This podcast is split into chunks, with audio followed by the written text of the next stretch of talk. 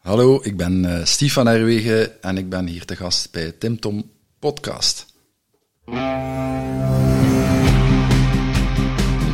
Welkom bij de Tim Tom Podcast. Ik ben Timothy. En ik ben Tom.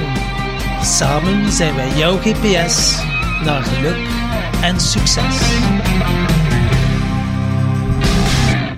Dag lieve luisteraar. Ik kan me zo maar voorstellen dat je tijdens het luisteren van deze podcast plotseling zin krijgt om van alles op te schrijven.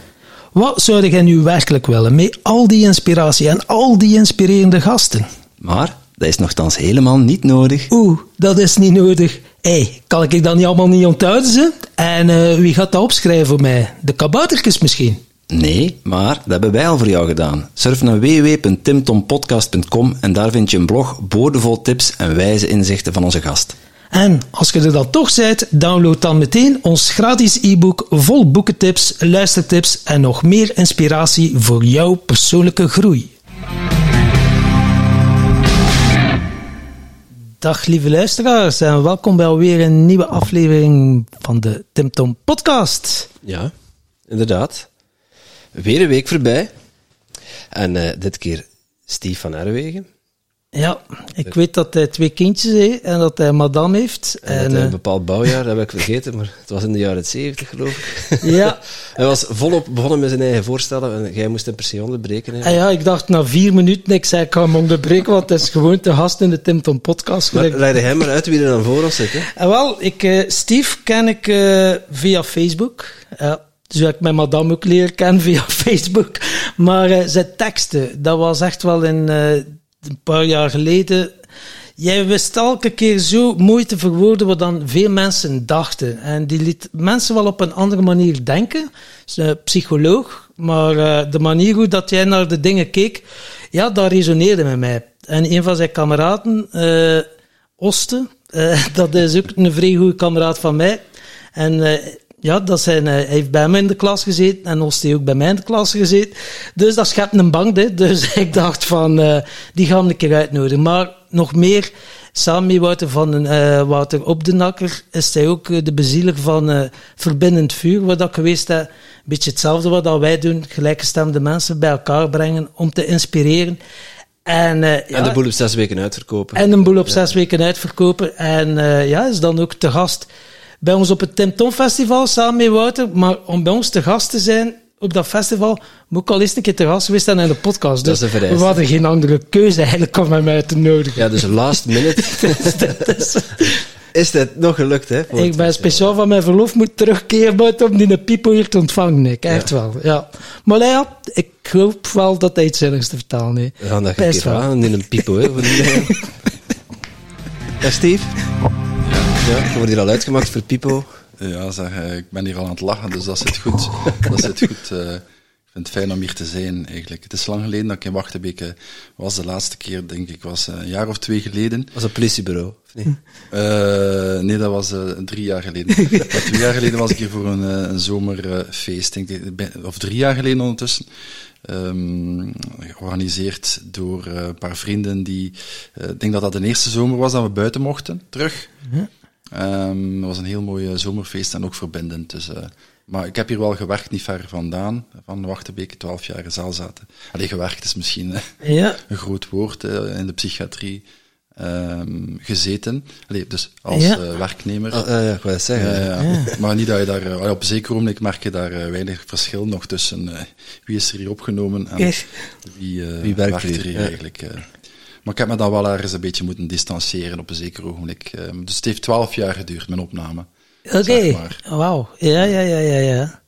En uh, ja, ik ben blij hier te zijn. Hè. De ja. is blij hier te zijn. Ja, ja vrij wijs. Wat, uh, ja, zoals ik zei, van, uh, ja, daar kunnen we ook wel even zo nog op inzoomen. je bent psycholoog, maar ja, een psycholoog met, met een hoek af of wij zijn alle psychologen met een hoeksknaf, maar een psycholoog met het hart op de tong, zeg ik het goed? Iemand die, die zijn waarheid durft te spreken.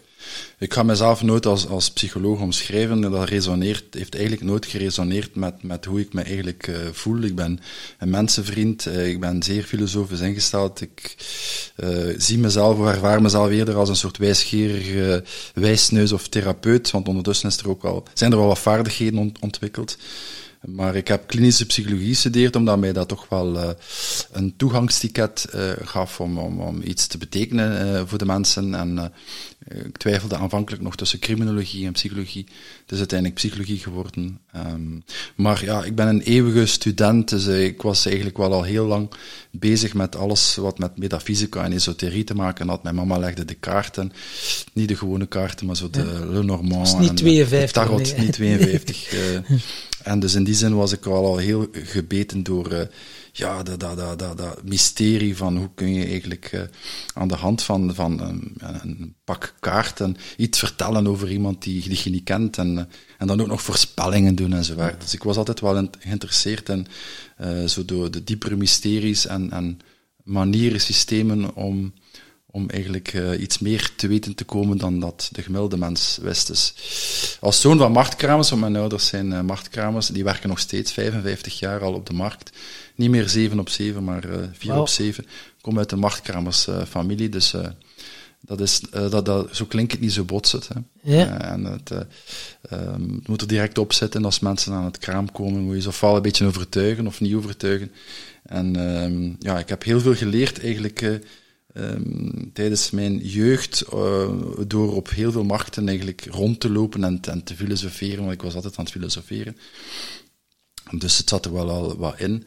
Dus ik voel me eerder zo toch een, een, een mensenvriend die filosofisch sterk uh, denkt en werkt en mijn hart probeert in te zetten waar ik kan. En dat heb ik ook gedaan. Ik heb ook allee, professionele carrière gemaakt, zeg maar maar wel altijd ergens toch een beetje een buitenbeentje geweest. Ook uh, vrij vroeg uh, leidinggevende geworden in Zaalzaten. Uh, therapeutische dagkliniek gerund voor negen jaar. Dus dan zowel psychologenwerk gedaan als groepstherapeutisch werk, als filmtherapeutisch werk, als in combinatie met leidinggevend werk. En toen was ik ook al betrokken bij een vormingscentrum, gaf ik op mijn 5, 26 al cursussen overal veel te vroeg allemaal, maar veel te gulzig in, in het willen leren en, en, en verspreiden van kennis en inzichten. Uh, maar ja, mijn karakter is dan wel meer en meer beginnen uh, vormen en een beetje zelfzekerder beginnen worden, beginnen sporten. Uh, en dan ja, mijn scherpe tong en scherpe pen ook beginnen meer en meer gebruiken. En in het begin ben je nog ja, de vriend van iedereen, maar als je in een systeem werkt, dan, dan begint het ook op een duur wel een keer te botsen. Dus ik heb uh, al wat gebotst onderweg. Ja. Met uh, gevestigde uh, waarden. Um, en ja, ik denk dat dat ook een beetje mijn, mijn, mijn parcours is. Um, ja, de marktkramers of de voor, de botsauto's. Het ja. ligt niet ver van elkaar, hè? Nee, nee, nee, het is waar. Maar het, dat, ik vind dat wel uh, een zegen. Uh, ik zat uh, op Sint-Amandus in Gent. de school bestaat niet meer. Aan, um, aan de, wat is dat, Oude Houtlei. En um, er is nu zo'n heel IMO-complex uh, naast Sint-Lucas. En toen was dat een heel, heel uh, strenge school, maar uh, de, ik was daar internaatstudent en mijn ouders waren voortdurend aan het werken. En ik was ja, eigenlijk soms beschaamd als men mij vroeg van, ja, en uw ouders, wat doen die ouders? Het waren allemaal kinderen van artsen en advocaten. En ik herinner me nog wel vaak mijn schaamte van ja, mijn ouders zijn hè, maar marktkramers. Maar dat is er wel uitgegroeid gaandeweg. En, en op een zeker moment is er wel een fierheid gekomen. Mm. Omdat ik ook wel het verschil ook uh, merkte tussen, uh, ja, weet je, of het belang van, van uw, uh, uw volkse afkomst. Dus ik probeer altijd toch mijn, mijn volkse afkomst in de weegschaal te leggen. Ja, dat mag ook, hè. En ik, dus, dus dat. Dus ik ben zeker, er is, ja, ik denk dat er dat een cirkel geworden is. Als je spreekt van een hoek af, ja. Gelukkig, gelukkig heb ik ergens ook wel een aantal etiketten en een aantal credentials verzameld, want anders ja, ja, ja, ja. had waarschijnlijk weinig mensen mij serieus genomen. Ja, want dan, ja, psychiatrie, hè, dat is dan van een systeem gesproken en uh, medicijnen en noem maar op. En als jij dan iets ruimdenkender bent, dan vraag ik me af, maat, hoe heb je dat twaalf jaar ervoor gehouden? Als je dan zo je eigen ideeën had, kon jij die dan uitvoeren of, of, of, of op een manier... Want dat is toch wel heel uh, beperkend. Uh, ja, ik heb altijd geprobeerd om mijn, uh, mijn, mijn, mijn eigen waarden en, en, normen en visie zodanig te stretchen dat het systeem zich toch wel een beetje moest aanpassen. Dat, dat klinkt zeer arrogant en verwaand, dat is het ook. Sommigen vinden dat ook allez, zeer narcistisch. Daar, allez, daar valt over te discussiëren. Maar um, ik heb mij ergens ook wel op die manier een stukje staande gehouden of gemanifesteerd door toch wel bijvoorbeeld eh, een externe campus, want ik, ik maakte deel uit van het ziekenhuis, het moederhuis, maar dan kwam er de kans om een, eh, een, een externe campus recht over eh, het zwembad van Zelzaten. De mensen kennen dat niet, maar um, campus Oostkade. En toen mochten we daar eigenlijk een externe campus uitbouwen. Dus toch een beetje verder af van het systeem. Dus, en we werden ook um, op die manier wat, wat vrijer gelaten in, in, onze, in onze manier van organiseren en in onze manier van werken. Maar je blijft wel deel uitmaken van het systeem. Dus uh, ik heb uh, zeker op wekelijkse basis had ik wel mijn, uh, mijn botsingen met psychiaters en, en met leidinggevenden sowieso. Maar toen was ik nog, um, was ik nog veel feller en, en was ik ook minder uh, tactvol. Uh, ik heb het ook een beetje moeten leren om toch iets tactvoller te zijn. Uh, dat is ondertussen ook weer volledig weg. maar zo heb ik het wel ergens, denk ik, volgehouden. Ik had toen ook een mentor die zei van, je moet daar eigenlijk, je moet daar weg, want je bloedt daar eigenlijk wat dood, of, of je kaars geraakt gedimd, want effectief er wordt daar vooral farmaceutisch uh, psychofarmacologisch gewerkt. En, uh, de, de pilletjes bedoel je? De pilletjes, ja. ja dus de, de, prognose, als je daar binnenkomt met, met drie problemen, uh, gaat je daar, als je eruit geraakt, komt je er met 15, niet alleen 15 pillen per dag, maar ook 15 diagnoses bij uit. En dat klopt tot op zekere hoogte. En ik heb me daar altijd tegen verzet, bijvoorbeeld door um, niet te spreken over patiënten, maar over cliënten. Alleen dat al, dat creëerde zoveel deining in dat systeem, omdat ten eerste, wie denk je dat jij bent om, om eigenlijk niet over patiënten te spreken? Dat is oneerbiedig, hè, om over een patiënt te spreken. En terwijl het mijn visie was, dat zijn allemaal mensen uh, die als cliënt um, hier binnen geraken en die uh, een hulpvraag hebben. En het is aan ons om hun hulpvraag ja, eigenlijk te bedienen. Ja. Uh, op, een, ja, op een manier die, die strookt met wat zij werkelijk nodig hebben. Niet op een manier die strookt met wat wij denken dat zij moeten doen. Uh, en het liefst van al met perspectief op een beter leven. Eenvoudig samengevat, hè. maar dat, dat, dat werkte niet, die visie. Dat werkte haaks op, dat werkte wel, maar dat werkte haaks op het, uh, het gangbare psychiatrisch milieu. Er zijn ondertussen wel evoluties geweest, maar ja, er is nog heel veel werk ook op dat vlak. Ja, ik kan er ook van meespreken. Ik heb ook uh, even drie weken op de paas gezeten. Dan ook ja, als patiënt, maar ik voelde ook ook als onderzoeker en als therapeut. Ik was al in de hypnose bezig, maar ik had even een moeilijk moment. Ik had rust nodig en inderdaad, dan kom je daar binnen en dan in een psychiater. Je zit jij daar en dan uh, even gesprek. Die doen al zo op. Na tien minuten wisten die, nou, ah, u bent depressief. Die, uh, ik zeg, ik ben het niet, ik doe het dan misschien. Want als je het hebt, raak ik er niet meer vanaf. Ja, dat vond hij dan niet zo leuk, dat antwoord. En dan uh, ja, trok hij daar zijn kas open. Ja, het walhalla van de drugsverslaafden. Ik dacht, ja, maar ik, zeg, ik heb al bollen genoeg gepakt in mijn leven. En uh, ik zeg, dat doe ik niet aan mee. Oké, okay, dan vrees ik dat ik niks meer van u, voor u kan doen. Ja, de, dat de was... muilkorf ze hem nog kunnen ja, geven. Ja, ik dacht, ja, wauw. En dan hadden we er inderdaad hebben we er drie weken gezeten. Vooral, ja, veel onderzocht ook. Dat ik dacht, ja, je hebt echt twee groepen mensen. Mensen die zoiets voelen van, het is tijdelijk. Je ziet toch wel eens een sparkle die hebben van, oeh, het is even een mindere, periode voor mij, maar ik raak hier, ik raak hieruit, zo in de paas. En ook anderen die uh, er volledig overgeven en zoiets zeggen, geef mij mijn pillen en ik ben content. Dat, was dat bij jou ook? Heb je dat ook dat is dan inderdaad, de PAS is een psychiatrische afdeling van een algemeen ziekenhuis, dat is de afkorting. Ja, klopt. Uh, dat is eigenlijk gelimiteerd tot, acht, tot, tussen 8 en 12 weken dat je dan een opname hebt. Hè. Ja, ja. Terwijl derde, want dat is tweede lijn. Eerste lijn zijn de huisartsen bijvoorbeeld, hè, dus die verwijzen dan door, want het is te moeilijk voor hen, naar een paasafdeling. Of, of, of, er zijn toch uh, ernstiger problemen die je zomaar ambulant kunt oplossen. Maar dan ehm, het verhaal uh, waar ik daar net over sprak, is derde lijn. Dus dat is echt de, de, de, de nog iets gespecialiseerde zorg. Als het niet lukt op, of binnen een paasafdeling, binnen acht of twaalf weken, dan, uh, dan, dan kom je eigenlijk in, binnen de psychiatrische muren terecht. En dat kan al van vrij jonge leeftijd zijn. En meestal is dat dan ja, acht, acht weken, twaalf weken, dan geraakt je waarschijnlijk nog maar net buiten de opnamediensten.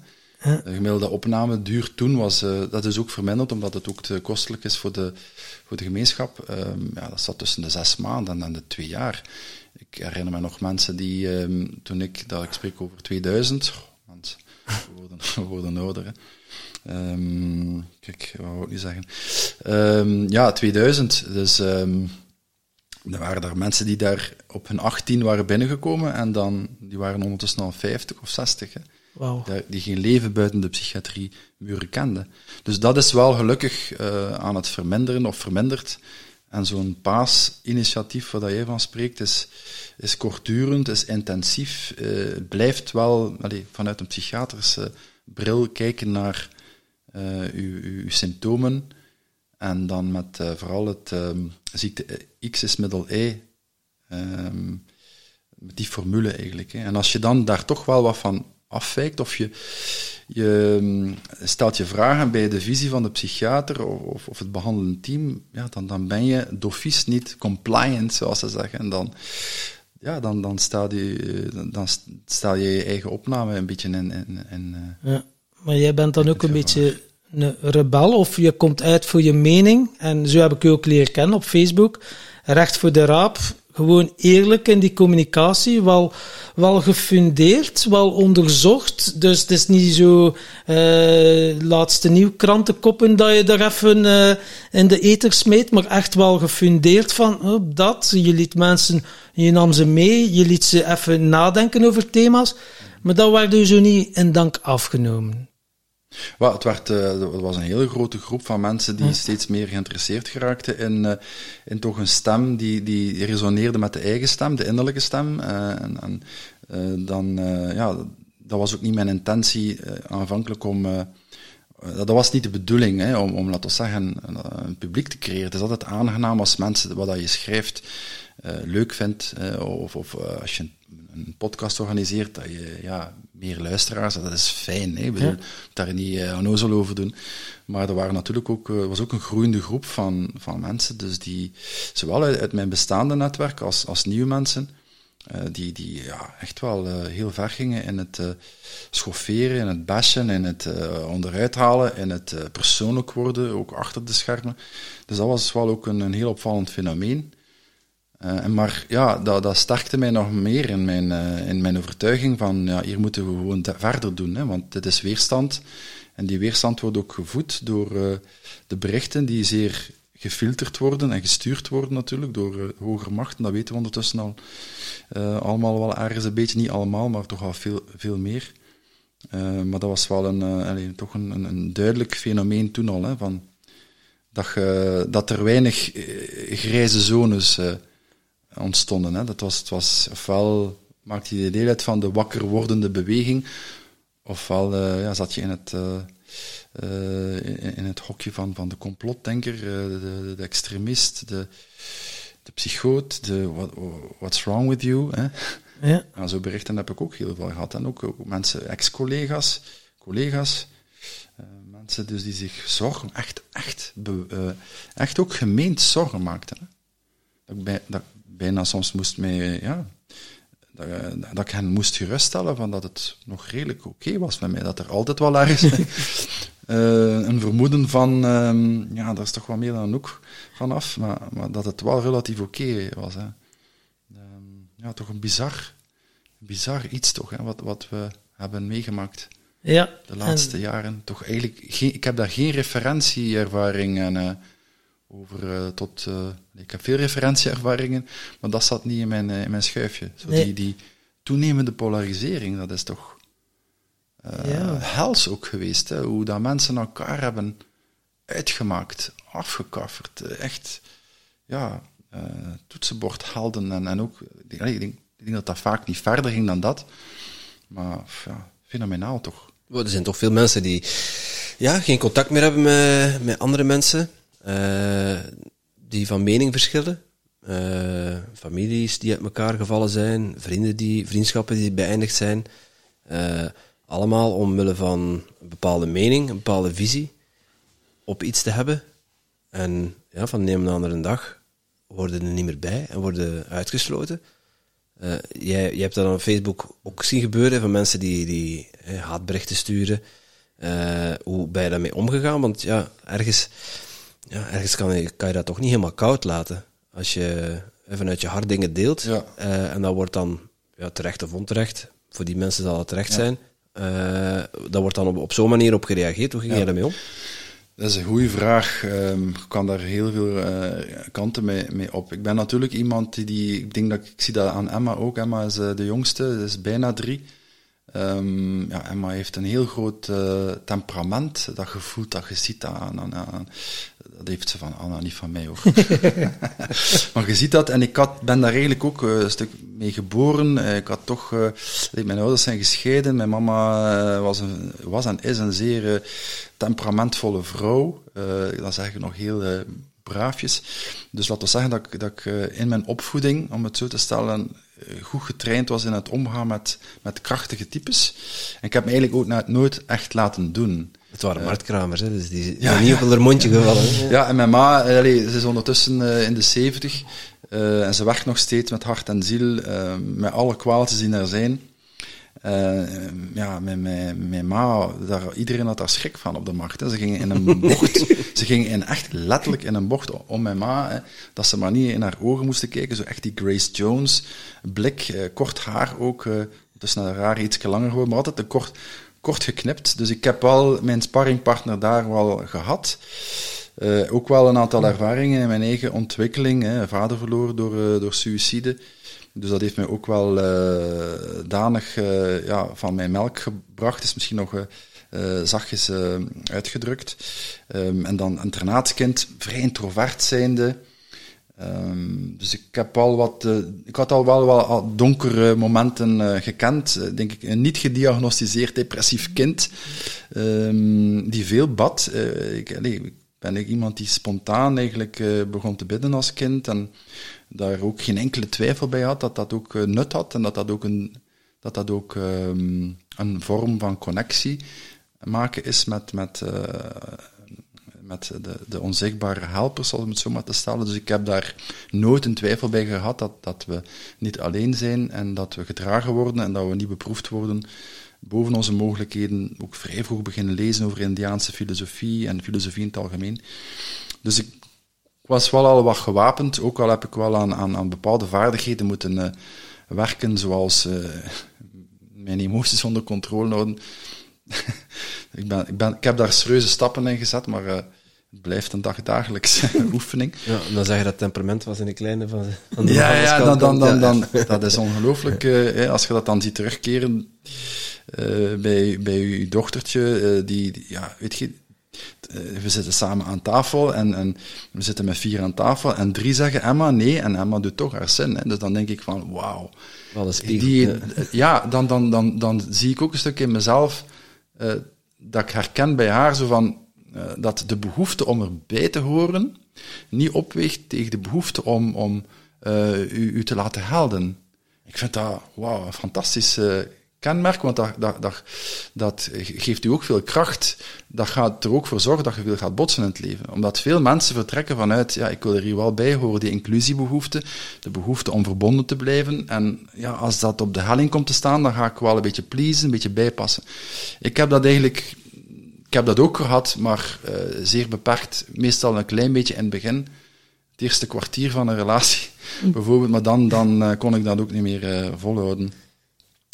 Dus ik, ik, zie dat ook een stuk terug. Dus ja, om op uw vraag te antwoorden, ik denk dat er wel al in de voorgeschiedenis al heel wat zaken um, meegespeeld hebben in het mij minder aantrekken van agressiviteit die in mijn richting kwam. en ik heb ook geleerd om, om laten we zeggen, dat, mij niet uit angst te laten leiden, maar in tegendeel te counteren op, op een zo gepast mogelijke manier. Maar dat was ook niet evident hè, in die periode. Um, omdat effectief, ja, het is ook, gaat zelf ook door een proces. Hè. Maar ik heb meestal wel mm, mijn vuur kunnen behouden. Um, ik ben ook iemand die niet alleen wil uh, informeren, maar ik ben dan ook begonnen met... Chockeren. Uh, chockeren. uh, ja, mee, zoals velen, hè, mee gaan demonstreren en dan op een zeker moment toch concreter beginnen worden. En ik, samen met Geert dan aan, aan de wieg gestaan van VZW Legal Hearts. dat ging me dan ook een beetje te traag. Uh, dus dan heb ik dat, laten, uh, heb ik dat losgelaten en dan met de Gouden Burgerbeweging uh, gestart, zo'n virtuele community. En dan ook meegaan in demonstraties. Dus toch echt niet alleen informeren, maar ook, ook echt actief dingen gaan doen. om om ja, vooral mensen wakker te maken en, en toch een stem te verkondigen. En ja, eh, op tafel te kloppen waar, dat je, dat je kunt. En, eh, en tegelijkertijd ook met een zachte kant, eh, ook af en toe niet vergetende in, in, eh, erin stoppen in teksten van dat, eh, want je wilt uiteindelijk eh, dat iedereen mee is. Hè? Je wilt niet dat een bepaalde groep alleen mee is. Je wilt dat, dat iedereen toch ook beseft dat er, zoals ik eh, omschreven heb recent, dat er een, escalerende vorm van geweldenarij zich voordoet. Hè? Dus dat, dat we mensen, dat mensen eigenlijk geweld worden aangedaan. En het is niet omdat ze het niet zien of niet, niet gewaar worden, eh, dat je het niet moet blijven attenderen. En dat vind ik eh, nog altijd eh, de, de, een van mijn belangrijkste motieven om waar ge- geweld aanwezig is, om daar alles aan te doen om dat te doorbreken. Net omwille van mijn, mijn, mijn ondertussen opgebouwde psychologische, therapeutische ervaring, dat je beter eh, eigenlijk eh, aan damage control doet, in, in plaats van alleen maar aan, eh, allee, alleen maar aan eh, traumatherapie of traumabehandeling. Hè, want het is it's easier to, to hoe zeg je dat in het Engels? Um, it's easier to um, be kind to a kid than to, to help an adult, of zoiets. Er bestaat daar een, een veel mooiere quote over, maar het komt daar eh, wel eh, op neer. Het beter eigenlijk is dat je, dat je dat in de kiem kunt doen smoren. Maar, maar dat is wel lastig wanneer dat er een heel groot deel van de bevolking mee in die, in die massahypnose werd eh, meegetrokken. Hè. En dan moet je luider gaan roepen. En dat is natuurlijk niet altijd fijn. maar Nee, luider Ja. roepen, ja, dat zorgt er ook weer voor dat er, dat er olie op het vuur gegooid wordt. Hè, dat Ja. mensen die dan eh, bepaalde mening aangedaan zijn, eh, daar dan hun gelijk in zien van kijk, zie, zie je wel, eh, om u heen, ze beginnen om zich heen te slaan. En ik zie dat bij, tenminste, ja, er zijn, er zijn nog kritische stemmen. Hè? En we hebben er ook al een aantal in onze podcast gehad. Eh, als je het dan hebt over die inclusie maatschappij of die inclusie Behoefte. eh, behoefte, ja, daar zie je ook al een soort polarisering ontstaan. En dat een kritisch geluid dan ook, ook niet meer gehoord mag worden. Terwijl we aan de ene kant eh, die inclusiebehoeften aan het voeden zijn, eh, maar aan de andere kant die inclusie niet bestaan. Hoe, hoe kijk jij daar tegenaan? Wel, er zijn eigenlijk heel veel theorieën en modellen omtrent eh, behoeften. Wat drijft de mens en eh, waarom is dat? Eh, ik, ik hou het op eigenlijk heel eenvoudige drie behoeften eh, als het gaat over onszelf binnen een sociale context. Dat is, we hebben inderdaad de behoefte om er ergens bij te horen. Ik kan daar veel over vertellen, maar eigenlijk heeft we, komen we komen uit de moeder, we komen uit een eenheid en we, zijn dan eigenlijk geworpen, maar dat is de letterlijke vertaling van een foetus, de geworpene. En dan eh, begint eigenlijk de, de, zoektocht terug naar die eenheidservaring. Hè. Je kunt daar heel filosofisch en, en, en, en spiritueel over doorgaan, maar dat is eigenlijk onze eerste diep eh, verankerde behoefte om, om, om, om terug weer opgenomen te worden in iets dat groter is dan onszelf. En dat is een hele, een mooie behoefte. Um, maar de vraag is, ben je bewust van het feit dat dat een heel grote behoefte is van waaruit uw gedrag of uw keuzes voortvloeien. Een keer dat we ons in een groep opgenomen voelen, dan kunnen we ons beginnen manifesteren. Dat is dan de geldingsbehoefte. Kan ik impact hebben op, binnen mijn omgeving? Ik ben ergens al opgenomen in de groep, die inclusie is er, of is er niet. Als die er is, des te beter. En een keer dat we ons op ons gemak voelen, dan kunnen we ons laten gelden. Kunnen we onze talenten, onze eigenschappen, onze, uh, ons, de dingen die we willen doen, kunnen we gaan, uh, eigenlijk gaan, uh, gaan doen. En dat is de geldingsbehoefte. En dan hebben we de behoefte aan affectie. Um, de keer dat we dat hebben ja, gerealiseerd, dan willen we ook daar graag om gezien, willen, gezien worden. En um, dat is dan de behoefte aan waardering, aan affectie. En dat zijn drie krachtige behoeftes van waaruit dan mensen eigenlijk um, ja, zich bewegen in, in, in, in gezelschappen, in, in kringen, uh, intieme kringen, sociale kringen, professionele kringen. En dat gebeurt natuurlijk ook uh, binnen gelijk welke kleine of grotere massa. Hè. Dus dat je in het begin heb je die, ja, wij hebben een gemeenschappelijke vijand, hè, de, de niet-wakkeren. Dus vertrekken ervan uit, wij zijn wakker, wij zijn wakker, hè. wij zijn een groep en wij zien dat die niet-wakkeren eigenlijk niet wakker zijn en wij gaan dat als wakkeren uh, een keer gaan uh, in beweging brengen. Dus dat geeft ook een stuk ja, ja. aanwakkeren en dat geeft ook dat geeft inclusie, want je behoort tot een groep van wakkeren Uh, je kan je laten gelden, daar, dan, daar dat je misschien individueel misschien nooit alleen zo uh, gaan demonstreren op de hoek van een straat, uh, speakerscorner bijvoorbeeld.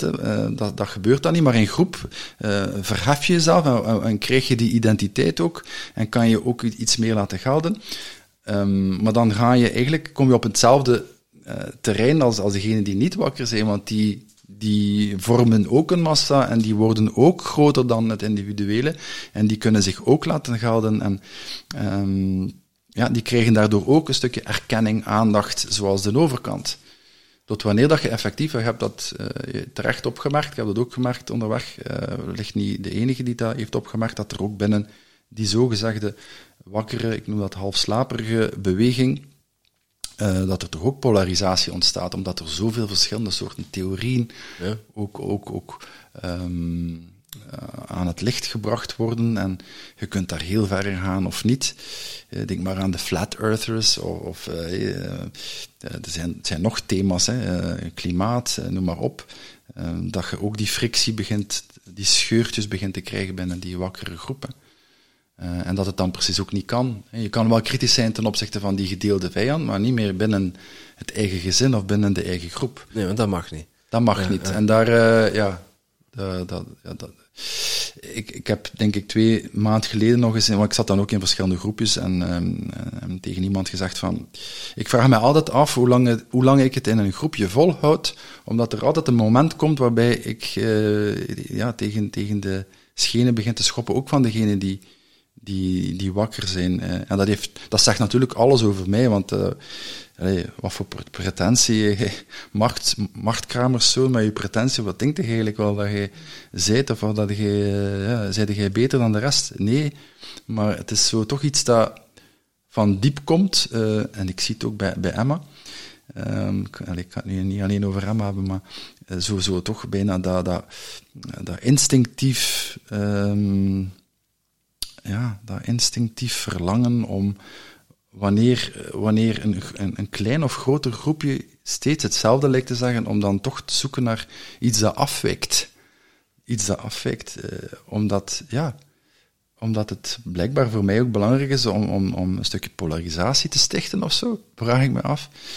Uh, maar dat is niet mijn intentie. Mijn intentie is vooral om, uh, naar, naar, naar, naar het absolute, uh, dat we nooit kunnen berekenen, naar de absolute waarheid te streven. Ik, ik, ik heb een hele diepe behoefte uh, om, om uh, waarheid te vinden en waarheid te zoeken en te, en te, um, ja, te scheppen, zeg maar. En als, als er mensen, als er vier, vijf, zes mensen hetzelfde zeggen, zelfs zou dat mijn mening zijn, dan gebeurt er iets in mijn, in mijn, in mijn hoofd van, of in mijn hart of in mijn systeem, van zou er toch nog iets kunnen zijn dat, dat, dat, dat, het, niet, dat het niet zo is. Hè? Ja, ja. ja. ja, een lastige hart. Hè. Ja, ja, ja. ja, ja. Natuurlijk een vervelend manneke. Een vervelend manneke. En zeker, en dat wil ik zeggen, en zeker geen groepsmens. Ik heb altijd gedacht van, uh, ik, ben leiding, ik ben 17 jaar leidinggevende geweest in totaal. Ik ben zeer groepsminded, ik ben zeer groepsminded, maar ik ben geen teamplayer. Ja, vanaf dat de groep te groot wordt, had zoiets van, nee, ik wil weer mijn eigen groep stichten. Ja, ik wil, ik wil terug weer, ja. ja. ja. Of ik wil, nee, ik wil, ik wil gewoon geen groepje. Of geen groepje, maar... Ik wil me rustig laten worden. Ja. Ik heb nu een groep samengesteld, uh, en, en dat draait, en uh, oké, okay, uh, ben weg. Ja. Zo, ja, tegenstrijdig. En, en heb, heb je al een vinger op kunnen leggen waar dat dan vandaan komt? Dat... je dan bepaalde diagnoses of zo? Nee, ik, ben geen, ik, ben geen, ik ben geen klinisch psycholoog, dus uh, ik kan me daar niet aan wagen. Maar zo, ik, ik hoor, als, als, je, als je zo praat, hoor ik wel zo'n bepaald patroon van, ja, zo die gelijke stemtijd, maar dan toch iets in jou zegt dan, hm, ik wil mijn eigen pad bewandelen. Ja, ik denk dat je daar de nagel op de kop uh, slaat. Ik, ik um, vind het uh, zeer belangrijk om het eigen spoor uw eigen spoor te, zoeken, te, te zien, te erkennen, te omarmen en te volgen. En, en ja, en daar mega trouw aan, aan, uh, aan te worden. En dat is een heel proces. Ik zeg het in één zin, maar dat is een heel lastig proces, moeilijk proces, sociaal proces. Ook omdat je inderdaad ook ja, te maken hebt met mensen rondom u, die, waar dat je ja, toch zeker mensen 18 jaar van afhankelijk. Allee, afhankelijk van je mama en je papa als die er zijn. Uh, dus dat is, uh, dat is niet evident. Uh, maar ik heb, dat is een hele diepe drijfveer altijd geweest om toch trouw te blijven aan mijn eigen innerlijk spoor. Ook al wijkt dat, meestal wijkt dat af van het spoor waar dat ik mee geconfronteerd werd. En ik zeg dan dikwijls tegen klanten, het is belangrijker u te leren inpassen dan u voortdurend aan te passen. Dat is een klein verschil, maar dat is een, uh, een klein verschil in, in, in het werkwoord. Inpassen versus aanpassen, maar in de realiteit is dat wel uh, allez, toch een, uh, van een, heeft, heeft dat een ongelooflijke impact. Hè. Als je voortdurend bezig bent met je aan te passen, dan is het iedere keer wel wat de kosten van een stukje eigenheid. En daar heb ik eigenlijk instinctief, om op uw vraag te antwoorden, instinctief een, een, verzet tegen. Van, kan mij aanpassen, zeer goed, ik kan mij zeer goed aanpassen, maar niet te lang. Nee. En ik denk dat veel mensen dat hebben, hè. Ik denk dat veel mensen dat hebben. Zo Ja, niet die- alle maar- mensen. Die, die, die hebben misschien niet de, de guts om daar dan uit te stappen als het niet meer past. Ja, en hoe komt dat dan? Hè? Is- Ligt dat dan aan karakter? Ligt dat dan aan opvoeding? Ligt dat aan, aan, aan wat dat je doorsperteld hebt in het leven? Al dan niet op een goede manier, al dan niet op een eh, verkeerde manier. Eh, bestaat dat wel, goede en verkeerde manieren? Ja, dat bestaat. Er bestaan gezonde en ongezonde vormen van ehm, zelfontplooiing. Maar ehm, ja, het is op zich een studie waard. Hè, van, Ja, zo- zo- zonder heel psychologisch Ja. in te stappen. Ik ben, echt, ik ben geen psycholoog, dus ik, ik, ik, ik stel alleen maar vragen. Hè.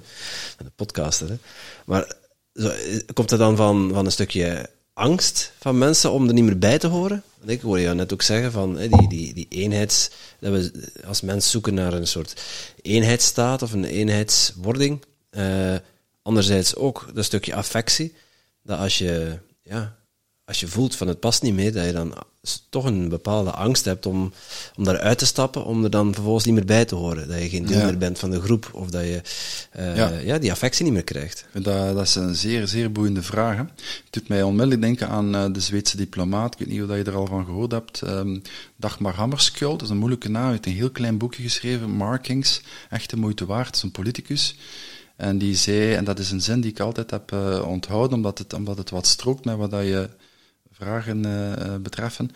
In laatste instantie is het de visie op de dood die bepalend is voor de antwoorden op de vragen des levens. Een hele lastig, ik heb het heel lang moeten inprenten om het te kunnen. Ik ben blij dat ik het nog kan reproduceren, want dat is lang geleden. En volzin het ook, komt er hem eigenlijk eh, op neer, dus dat uw visie op eh, uw eindigheid zal bepalend zijn voor de, de antwoorden die je geeft op de problemen waarmee dat je te maken hebt. Ik vond dat Ja. echt zeer krachtig. Hè? Dus dat betekent eigenlijk dat, dat eh, als je geen visie hebt omtrent je eigen eindigheid en je eigen verhankelijkheid, je eigen visie, doorvrocht, doordacht, dan gaat u dat blijven ehm, achtervolgen.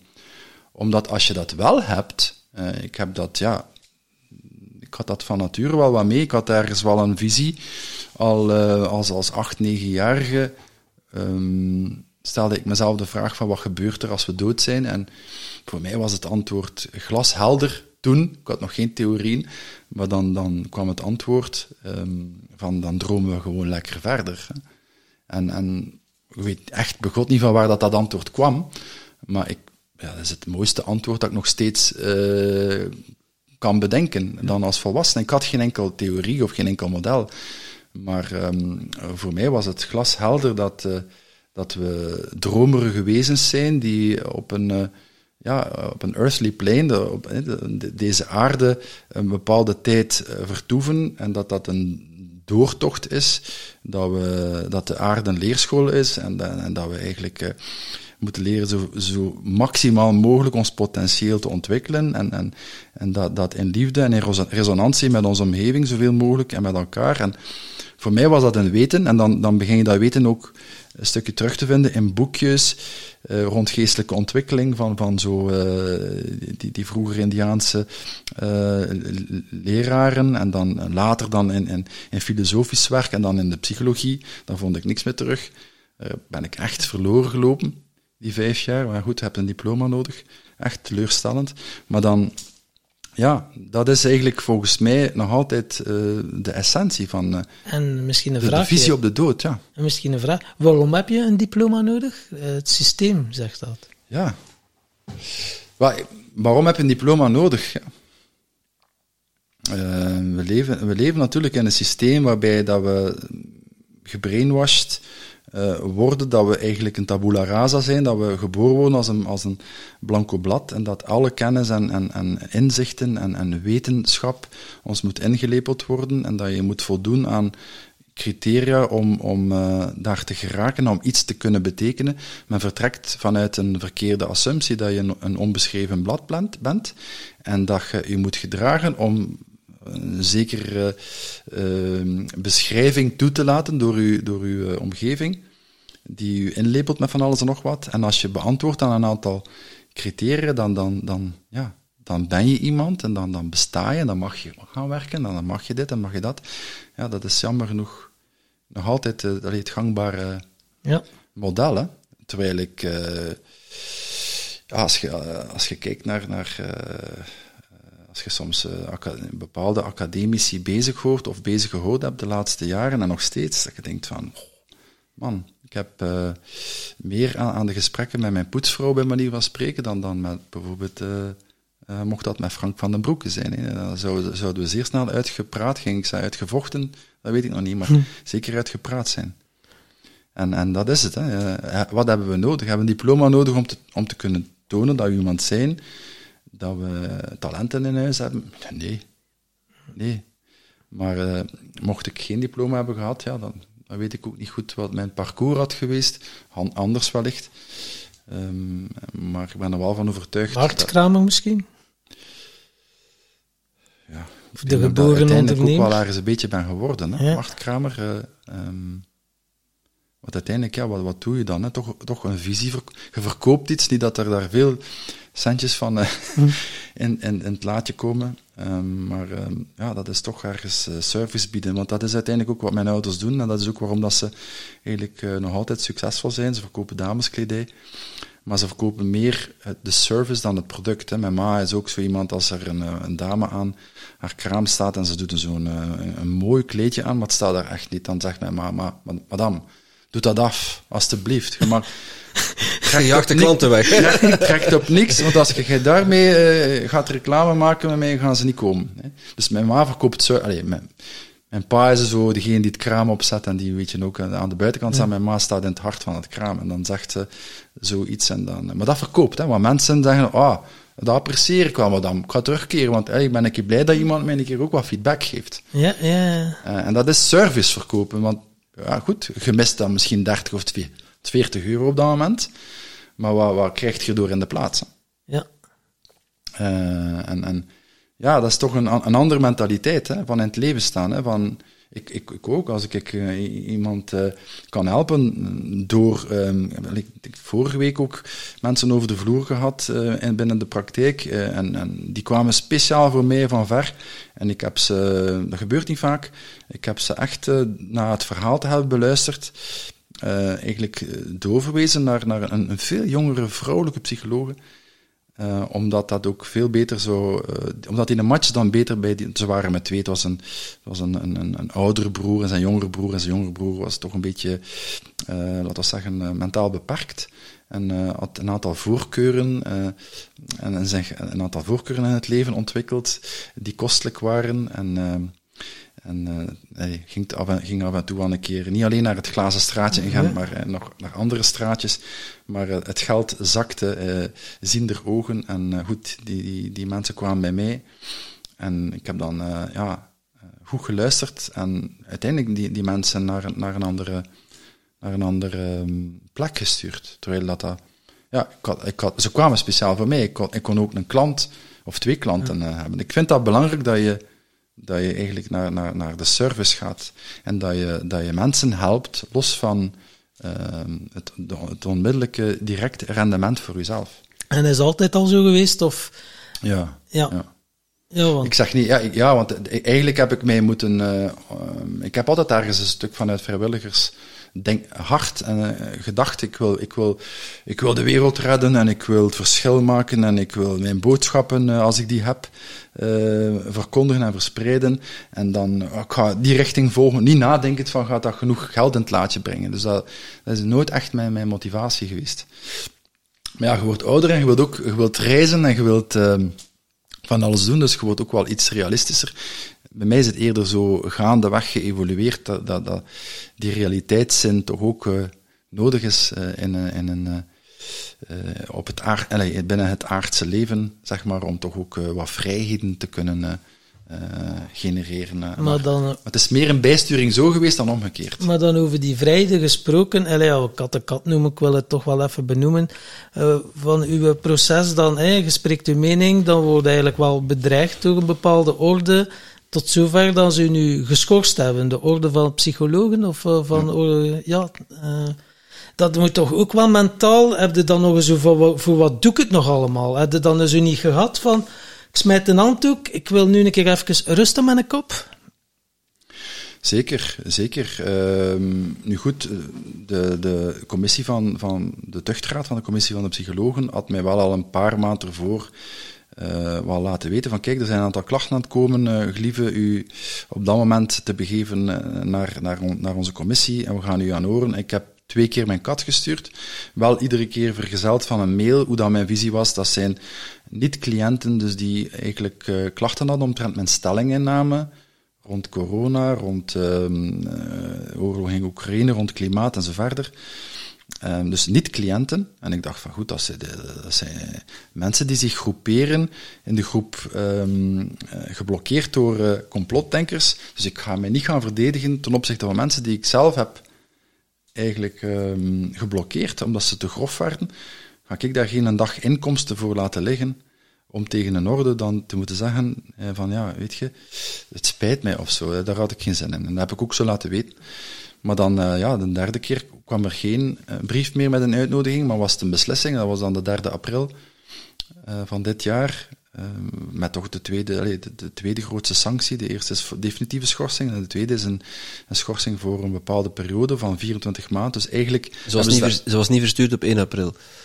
Het was geen grapje. Het zou kunnen dat op 1 april werd verstuurd. En, ja. Ik herinner me nog dat ik eh, de brief zag. en Schorsing van 24 maanden. om- 24 omdat maanden. twee keer niet naar een commissie komt. Nee, nee, nee, nee. Dus een schorsing van 24 maanden op grond van ehm, twee klachten van eh, niet-cliënten, die, die een heel dossier hadden eh, samengesteld van al mijn uitspraken links en rechts en geknipt en geplakt, ook uit persoonlijke berichten, hadden ze een dossier gemaakt en de commissie heeft op grond daarvan beslist, zonder mij uit te horen, om direct een zware straf ehm, eh, voor te stellen. Ik had nog tijd tot eind, eh, tot begin mei, om dan beroep aan te tekenen. En mijn eerste reactie was van, ja, weet je, ik laat het los. Ik, ik heb, ik heb die, die, die, die orde op zich niet nodig. Eh, dat interesseert mij eigenlijk ook niet. Ik ben niet zo'n een orde-typje.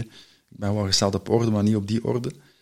Ehm, maar dan zondag dacht ik van ja, kan ik ook niet maken. Hè. Mezelf zou ik niet aanvechten, maar dit gaat wel over een precedent dat ze willen scheppen.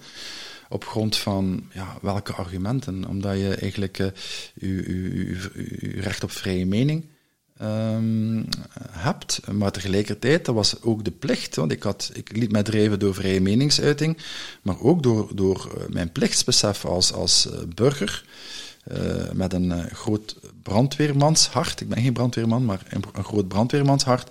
En, uh, en, en, dat vrijwillig inzetten voor een groep die bedreigd wordt en die, die benadeeld wordt en, en die beschadigd wordt, vond ik het mijn plicht ook om, uh, te spreken en te schrijven.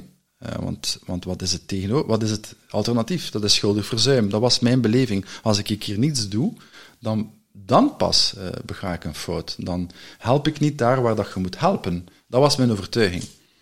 Um, en en uh, op grond daarvan ja, vond ik het natuurlijk uh, knettergek dat men mij voor 24 maanden niet alleen schorst, maar ook mijn gezinsinkomen met 75% doet, doet dalen. Hè? Want, want mijn gezinsinkomen, ik, allez, ik ben drie jaar, heb ik toch het gezin gedragen door omstandigheden en dan... Um, Nu, ja, mijn inkomsten als zelfstandige zijn gelinkt aan mijn beroepstitel en mijn visumnummer. En, en, en, en ja, dus 75% van uw inkomen hangt aan uw beroepstitel. Dus mensen zeggen, ja, ho, wat ga jij nu doen? Waar ga jij blijven werken? Nou, misschien als coach en als therapeut, maar als jij eigenlijk al jarenlang werkt vanuit die beroepstitel en, en, en, en uw werking, uw dagdagelijkse praktijk, uh, werkt op basis daarvan, dan kun je dat ook niet op 1, 2, 3 maar zomaar uh, veranderen. Dus dat was, mijn, mijn, dat was een tweede dag, dat ik besefte van ik moet toch wel uh, deels om eigenlijk uh, op te komen hier voor het individuele, maar ook het collectieve onrecht en het precedent dat wordt gecreëerd. Want iedereen keek wel mee, allee, iedereen, toch veel keken mee van wat gaat er hier gebeuren, wat zijn ze van plan. Dus hebben we beroep aangetekend en is er ondertussen ook al een, uh, een zitting geweest. En op 14 september is er een uitspraak. dus ondertussen mag ik wel blijven werken.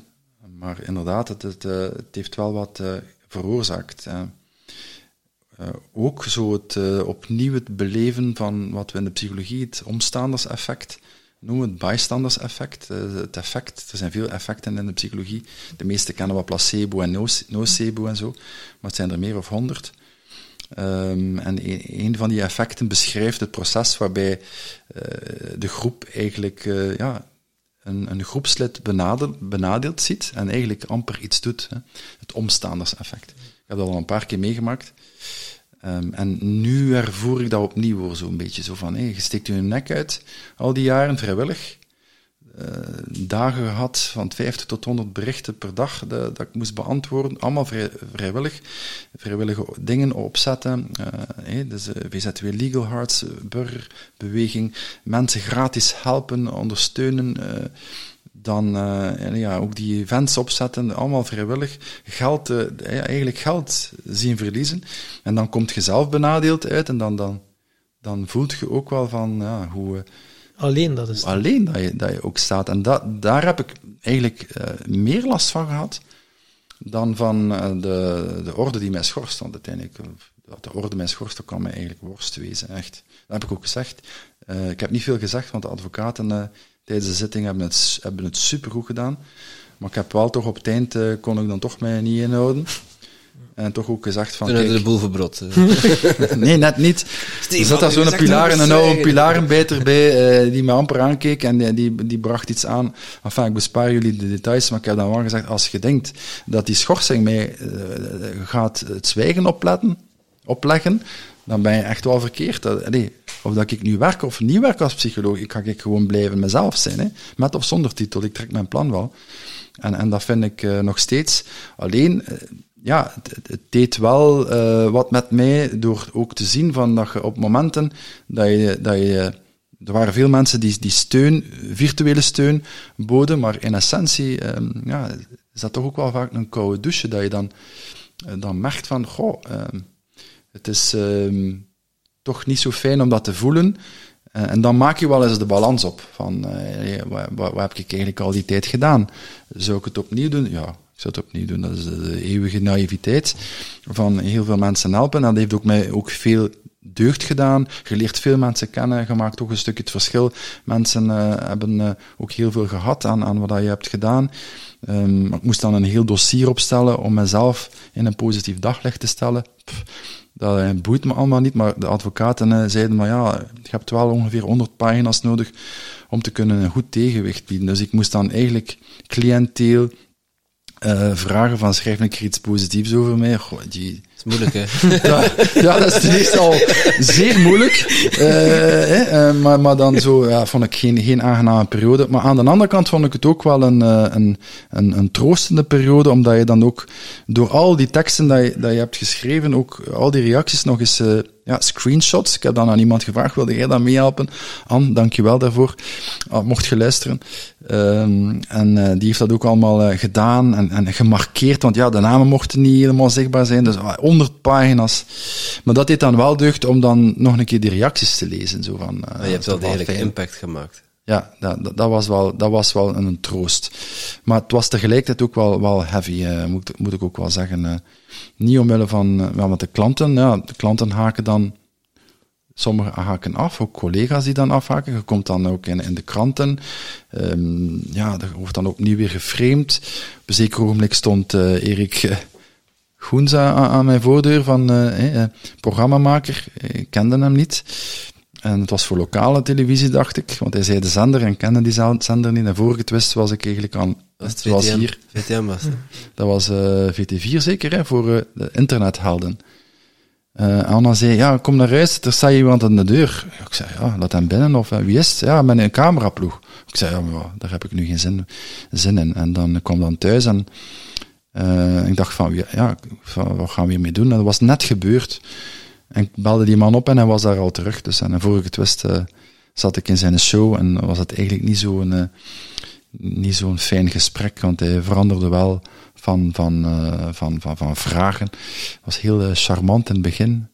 Uh, en het was ook mijn fout, ik had niet mogen ja zeggen. ja, je maakt ook fouten. Beetje zoals je optreden in de Tim Tom podcast. ik hoor het al. ja, ik ben hier voortdurend aan, aan, aan het vertellen. Hè. Zeg, zeg, doe een keer iets. Ja, dat, is, dat is het concept van onze podcast, uh, ah, ja. Steve. Ja, daarom ah, ja. gast. Ah ja, oké, okay, juist, juist, juist. Ja, ben ik hier maar aan, aan, aan het Maar dat is ook boeiend. Moest het niet boeiend zijn, uh, zouden we wel zeggen, Steve? Uh, ja, ja goed, bij deze gaan we naar het volgende onderwerp. Niet dat we die onderwerpen hebben afgesteld, maar mm -hmm. ja, is dat dan een antwoord op uw vraag geweest, vroeg ik me nu wel af. Tom die stelde de vraag, dus je moet naar Tom kijken. Ah nee, nee maar de vraag daarvoor. Ja, dat weet ik al niet meer wat ik gevraagd Ja, maar het was een vraag en ik begon dan over, over Dagmar Hammerschild. Ah, ja. Weet je het nog? Ja, ja weet je dat nog? weet ik nog, ja. ja. Toen was het interessant. toen stelde Tom een rare vraag en gingen we een heel andere kant op. Ja, ja. En de, de, de, vraag die toen in mij, in mij oppopte was van, ja, dan met uh, in uw achterhoofd het idee van uh, uw leven is eindig, hè, die vergankelijkheid. Ja. Daar ging het over. Mm. Uh, ja, maak je dan andere keuzes sinds dat je dat tenminste, sommige mensen zijn zich daar wel bewust van, sommige mensen zijn zich daar onbewust van, dat je altijd die keuzes maakt met uh, de vergankelijkheid in je achterhoofd en met de impact die je hier wil maken. En vraag me af, als je, als je, als je zoiets weet, als je zoiets onderzoekt, je hebt dat ook bestudeerd, want anders zou je die, uh, die slagzin niet uit je hoofd weten.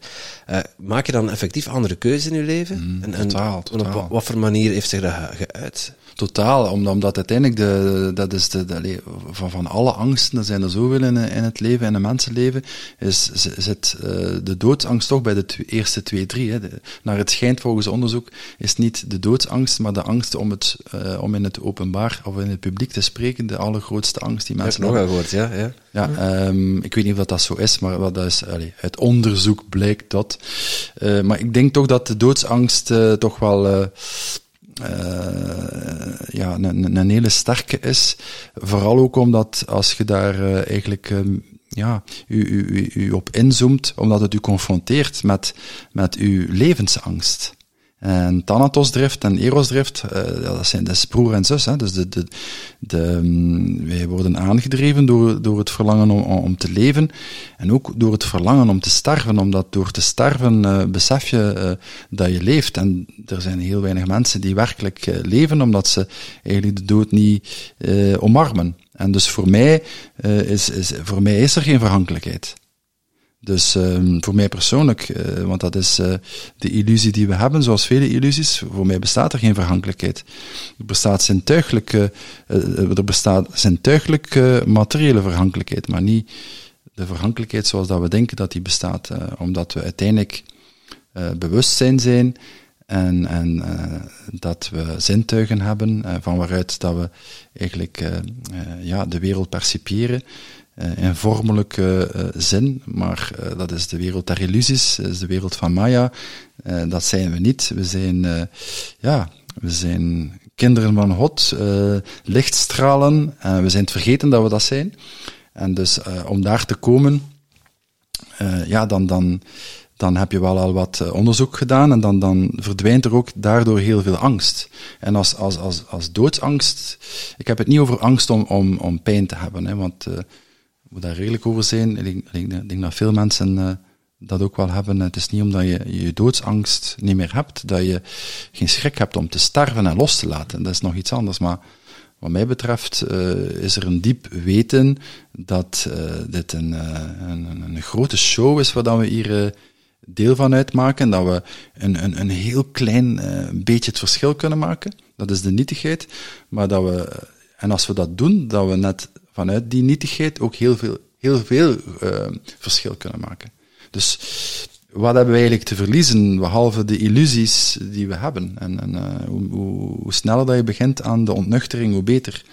En, en ja, ik, ik heb dat ook door omstandigheden, door vroeg met, met overlijdens geconfronteerd uh, geweest te zijn en door mijn eigen filosofische natuur. Uh, astrologen, ik heb ook astrologie gestudeerd in, on the side. Astrologie? ja, ja, dus al sinds mijn vijftiende. Uh, dus ik ben daar ook wel in, in thuis, psychoastrologie dan, de Jungiaanse. En, en ik heb maan en boogschutter, dus dat zijn, ja, dat zijn bedweters, dat zijn ambetantrikken, dat zijn uh, ja, salonfilosofen. Maar als dat kunnen het we echt, wel bevestigen. ja, als, ze, als ze het echt goed vastpakken, kunnen dat ook wel wijsgerige mensen worden die iets te vertellen hebben. Uh, en, en, ik denk dat ik daar ergens tussen zit, voorlopig. Maar um, ja, ik vind het uh, super boeiend om, aan, in, om in enthousiasme, want dat is enthousiasme, aan Deus, is in God uh, bestaan en vandaar het licht uit, uitstralen. Ik vind dat, ja, ik vind dat fantastisch. En, en ja, dan is er ook geen angst. En ik denk als je als mens toch dat vraagstuk aanpakt, nog voordat je ziek wordt, nog voordat uh, overlijdens zich aankondigen, dan, dan heb je meestal wel een streepje voor. En dat neemt veel angsten ook weg. Um, Waardoor dat je meer voluit kunt gaan leven en meer uit het leven kunt dalen. Ja, ja, ja, ja, Want je sprak inderdaad verschil maken. Ja, Tim Tom uh, wil het verschil maken, maar jij samen met uh, Wouter en Jonathan, jullie willen ook meehelpen het verschil maken. door in eerste instantie al aanwezig te zijn op ons Tim Tom Festival. Maar ja, net, gelijktijdig hebben we ook een VZW opgericht. Hè. Wij de, de vrienden van Tim Tom en bij jullie is het Aho. Ja, dat klinkt wel een pak inspirerender bij, hè? Ja, Aho. All Hearts Open. All Hearts, is ja. All Hearts Open. En dat komt eigenlijk door uh, dat, um, de, de, vorig jaar hebben we voor de eerste keer het Verbindend Vuur georganiseerd. Uh, op 11-11-22, fantastisch. Net zoals bij jullie, op zes weken. En uh, ik was bezig met de inhoudelijke uitwerking van, van een beetje de presentatie en de verhaallijn. En we kwamen bij die kreet van Aho, Omitakye Oyasin. Ja. Dus uh, ik groet het uh, hoger in jou. Ja. ja. Van de Native Americans. Ja. ja. En ja, op zeker moment kwam ook het idee wat later om, dat, om daar een acroniem in te zien. En ja, van het een kwam dan het ander. En hebben we dan een Aho VZW opgericht om van daaruit de events meer te uh, te dragen. Omdat, ja, we, hoe dat we dat eigenlijk gedaan hebben op zes weken, we moesten gewoon met zoveel in orde zijn. Ja. En wij, ja, allee, het, is, het is te gek eigenlijk. We hebben heel veel meeval gehad. En het zou gekker zijn nog dat we terugrekenen op zoveel meeval. Dus we dachten, we moeten dat toch wel wat structureler en kwalitatiever opvatten. Uh, dus vandaar AHO. Ja, jullie waren ons net voor. Dat is een kreet die wij regelmatig gebruiken na onze zweetceremonie bij, bij David de Kok. Uh, David de Kok, die ook komt spreken op uh, Tim Tom Festival overigens. Uh, was voor mij de eerste keer dat ik hem hoorde. Uh, Homitakyo Yassin. Ik heb nog onthouden ook. En ja, we gebruiken ook als wij als we onze meetings hebben en we gaan delen vanuit het hart om, om te landen, om te starten, uh, sluiten we onze spreekbeurt ook altijd af met een ho. Dus uh, het resoneert, het resoneert het is, wel. Het is, ja. het is een heel krachtige ja. aho. Het is, daar zit echt... Dat is ja. niet aha, want dat, we gaan dat is voor de vrouwen. Hè? Dat is voor de vrouw. Wij willen de aho-erlepenis, uh, ja. niet de aha en, en niet om uit te sluiten, maar die groeten elkaar op een andere manier. Ja, Je hebt het over de, de vrouwen. Ja. Uh, ja, want tegenwoordig, hè, met uh, 100 genders. ja, ja, ja. Alles mag er zijn, hoor. Ja. We hebben een award gewonnen voor Most Inclusive Podcast. En, uh, Proficiat. Ja, dank u. En, en ik ben er wel blij omdat... Dat, tenminste blij, het ego, het ego vindt dat leuk, hè, zo'n zo'n award. Uh, maar los van, van heel het ego-stuk, uh, dat toch iets is waar dat wij voor Tim, met Tim Tom voor staan, dat alles er mag zijn, dat alles gezegd mag worden. Hè, in zijn volle nuance. En ik vind die award wel een bekroning van, van dat werk wat wij neerzetten. Ja, dat is wel een erkenning. Ja, ja. En, en, los van de, de, de inclusiesamenleving waar we, waar we naartoe neigen, dat, dat polariseren, dat juist alles gezegd mag worden in zijn volle nuance. Ik vind dat heel belangrijk. En ik hoor dat ook ja. in jullie visie terug. Ja, maar dat is inderdaad, want daar komt het woordje inclusie uh, terug. Hè? Wat betekent dat dan? Hè? Is, dat, eh, is, is het uh, volledige inclusie? Is het al-inclusie? Of is het selectieve inclusie? Hè? Ja, ja, voor mij is het al-inclusie. Ja, ja, ja, ja. En dat is ook uh, wanneer dat je echt vanuit uh, all hearts open filosofie, uh, vanuit het hart, wat voor mij het nieuwe centrum is en waar we allemaal naartoe moeten, of ja, moeten, voilà, moeten, geen keuze. als, je, als je vanuit het hart vertrekt, hè, dat, dan, dan is het all-inclusive. Hè. Dat is het niet van jij wel en jij niet. En dan wat, niet wil zeggen, uh, wat niet wil zeggen dat je alles moet accepteren. Hè. Dus je kunt, uh, tweede, je ja. kunt inderdaad de essentie van, van, van de mens zien. Um, zoals in het Afrikaans luidt dat dan Sawuboma, ik zie jou, Sawuboma. Vind ik ook mooi. Aho is, is krachtiger. Maar uh, je kunt de mens zien en tegelijkertijd ook het fundamenteel oneens zijn, zonder mm. dat je die in, in, in de verbinding um, ontziet. Hè? Ja, of dat je die moet doorknippen, die, die, ja. verbind, die verbondenheid. Ja. Dat is, ik vind dat een essentiële. Ja. Dat, ook al kunnen we van mening verschillen, uh, we zijn altijd mens en Ja. mens zijn verbindt ons ook. En dat kun je niet wegredeneren met, met drogreden of met illusies. Ja, Hè, dat, dat zijnsbestaan, dat, dat is wat ons verbindt. En juist dat ontbreekt nu, vind ik, in de samenleving. Dus als we dat een klein beetje meer kunnen uh, aanwakkeren, en wat jullie doen met, met, met, het, met, uh, uh, met verbindend vuur. Verbindend vuur was Ja. het, hè? Ja. En verbindend water en, Ja, andere, elementen die, die andere elementen die jullie in de wereld willen zetten. ja, ja. Hè, Wat, wat wij graag willen bereiken met, uh, met Tim Tom, en ook al bereikt hebben, overigens, ja. die, die positieve verbinding. Of verbondenheid. Ik vind, ja, dat is, dat is iets nieuws. Ik noem het tegenwoordig ja. maar verbondenheid. Dat komt door Dirk Oeliebrand met zijn alchemie van creatie. De verbinding is, is, is iets wat tot stand moet gebracht worden. We zijn al is wat er al is. hè. Het is Ja, vooral het herinneren dat we verbonden zijn. Hè. En, Ja. en, Ja. en niet vanuit het ego dat een abstract, abstractie is van het denken, eh, dat we van daaruit vertrekken. We zijn al verbonden. Hè. Ja. We moeten eigenlijk niet streven naar verbinding, we moeten streven naar herinneringen. Ja. En, en, eh, want we zijn al verbonden. Er, is, er, is, eh, er bestaat niets buiten verbinding. Maar je kunt wel mentaal eh allez, je zodanig ver eh, drijven dat je denkt anders te zijn dan de anderen. Maar dat is effectief, zoals dat je zegt, hè, dat is eh, jammer genoeg wel wat dat we meemaken of, al- en al meegemaakt hebben. Hè, is van alle tijden trouwens. Hè. Zeker. Die- Ja.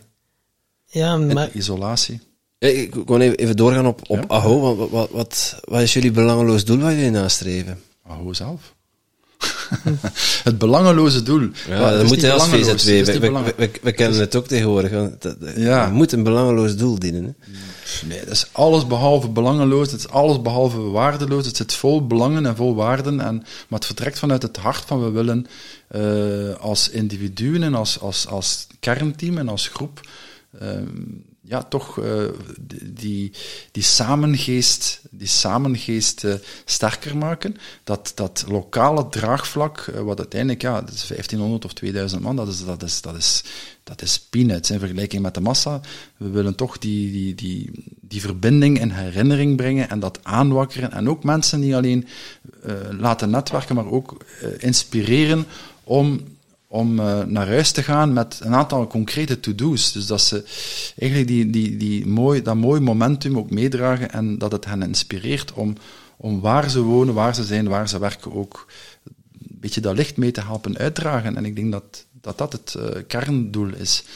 Ehm, zonder eh, eh, in detail te treden, maar en die events zijn daarin zeer, zeer krachtig. Ehm, maar we, we hebben nog een aantal andere ideeën dat we willen uitvoeren, maar ik denk dat dat een beetje zoals bij jullie gelijkaardig is. Hè? Dus, eh, niet enkel gelijkgestemde, maar in, es- in essentie het initiële doel was toch om de, eh, laten we zeggen, de mensen dus die iets wakkerder waren bijeen te brengen, om die toch ergens een gevoel van samenhorigheid te geven van hé, we zijn niet alleen.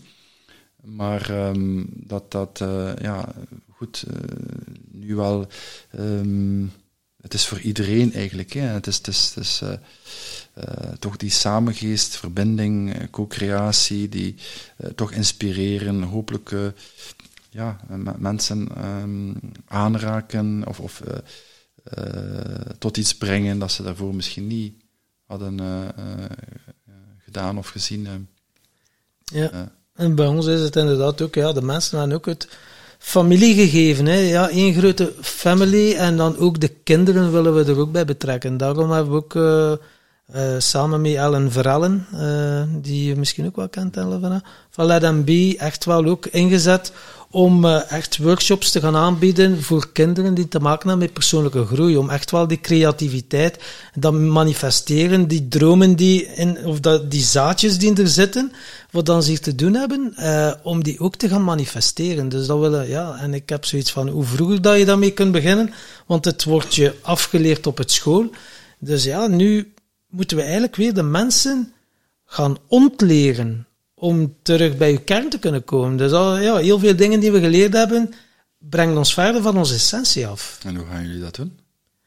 Door, uh, ja... Uh, dus, bedoel je die... Dus, uh, hoe, zie, hoe, zien jullie dat? Ik ben, allee, ik ben wel Het ontleren. Ik ken Alan Verlanen van ook Apple for the Brain, en ik ken ja, ze persoonlijk. Ja. Nou, eigenlijk, laat ons eerlijk zijn, wij wilden ook graag iets betekenen voor de kindjes. Hè, want vorig jaar hadden we op zes weken ons Tim Tom, Fest, Tim Tom Podcast Festival toen nog georganiseerd. En dat was eigenlijk te weinig tijd. Dat was een van de ideeën die gepland waren, maar er was te weinig tijd om dat uit te voeren. En nu hebben we hebben een, groot terrein waar we de helft uh, gereserveerd hebben voor, uh, voor, voor, de jeugd. Onder de 16 jaar mogen ze gratis komen naar ons festival. En uh, ja, wij vonden het wel makkelijk om dat dan uit te besteden aan Ellen en haar team. Dus zij, gaan, zij heeft met haar team van Let Them Be ja, workshops bedacht. Een viertal workshops die ouders en kinderen, of kinderen met hun ouders kunnen volgen om die verdiepingsslag te maken. Dus Let Them Dream, Let Them wat allemaal? Let them create. Ja. Let them manifest. Ja. Dat is, een, een, ja, dat is een, een onderdeel van, uh, van de dag. Hè. Uh, want voor de grote kindjes is er natuurlijk ook van alles te doen. Hè. Jullie komen onder andere spreken over, over het verbindend vuren, over de, de missie van AHO. Ik denk dat dat belangrijk is ook om, om elkaar daarin te vinden, elkaar daarin te ondersteunen en ja, mm -hmm. die, die gemeenschap te laten groeien. Hè, want ja, wij hebben onze community, jullie hebben je community, maar uiteindelijk, is, zoals Tom zegt, one big family. Hè? Ja. ja. En zo de mensen het laten ontleren, dat was je naar benieuwd, hè, denk ik. Zo het ja. ontleren. Ja. Heb ik ook zoiets ook. van, uh, wij zijn er ook van overtuigd, je hebt het ook al gezegd, die massahypnose, iedereen is al in hypnose. Uh, wij halen de mensen uit hypnose, we brengen ze in een andere hypnose. Ja, dat is onze meester, een mentor die dat heeft gezegd, Edwin Selei, dus de hypnosekoning, die gaat er ook zijn. Maar we willen ook andere facetten, Reiki, om echt wel dat energetische te gaan ervaren. Breathwork, dat transformeert ademhaal.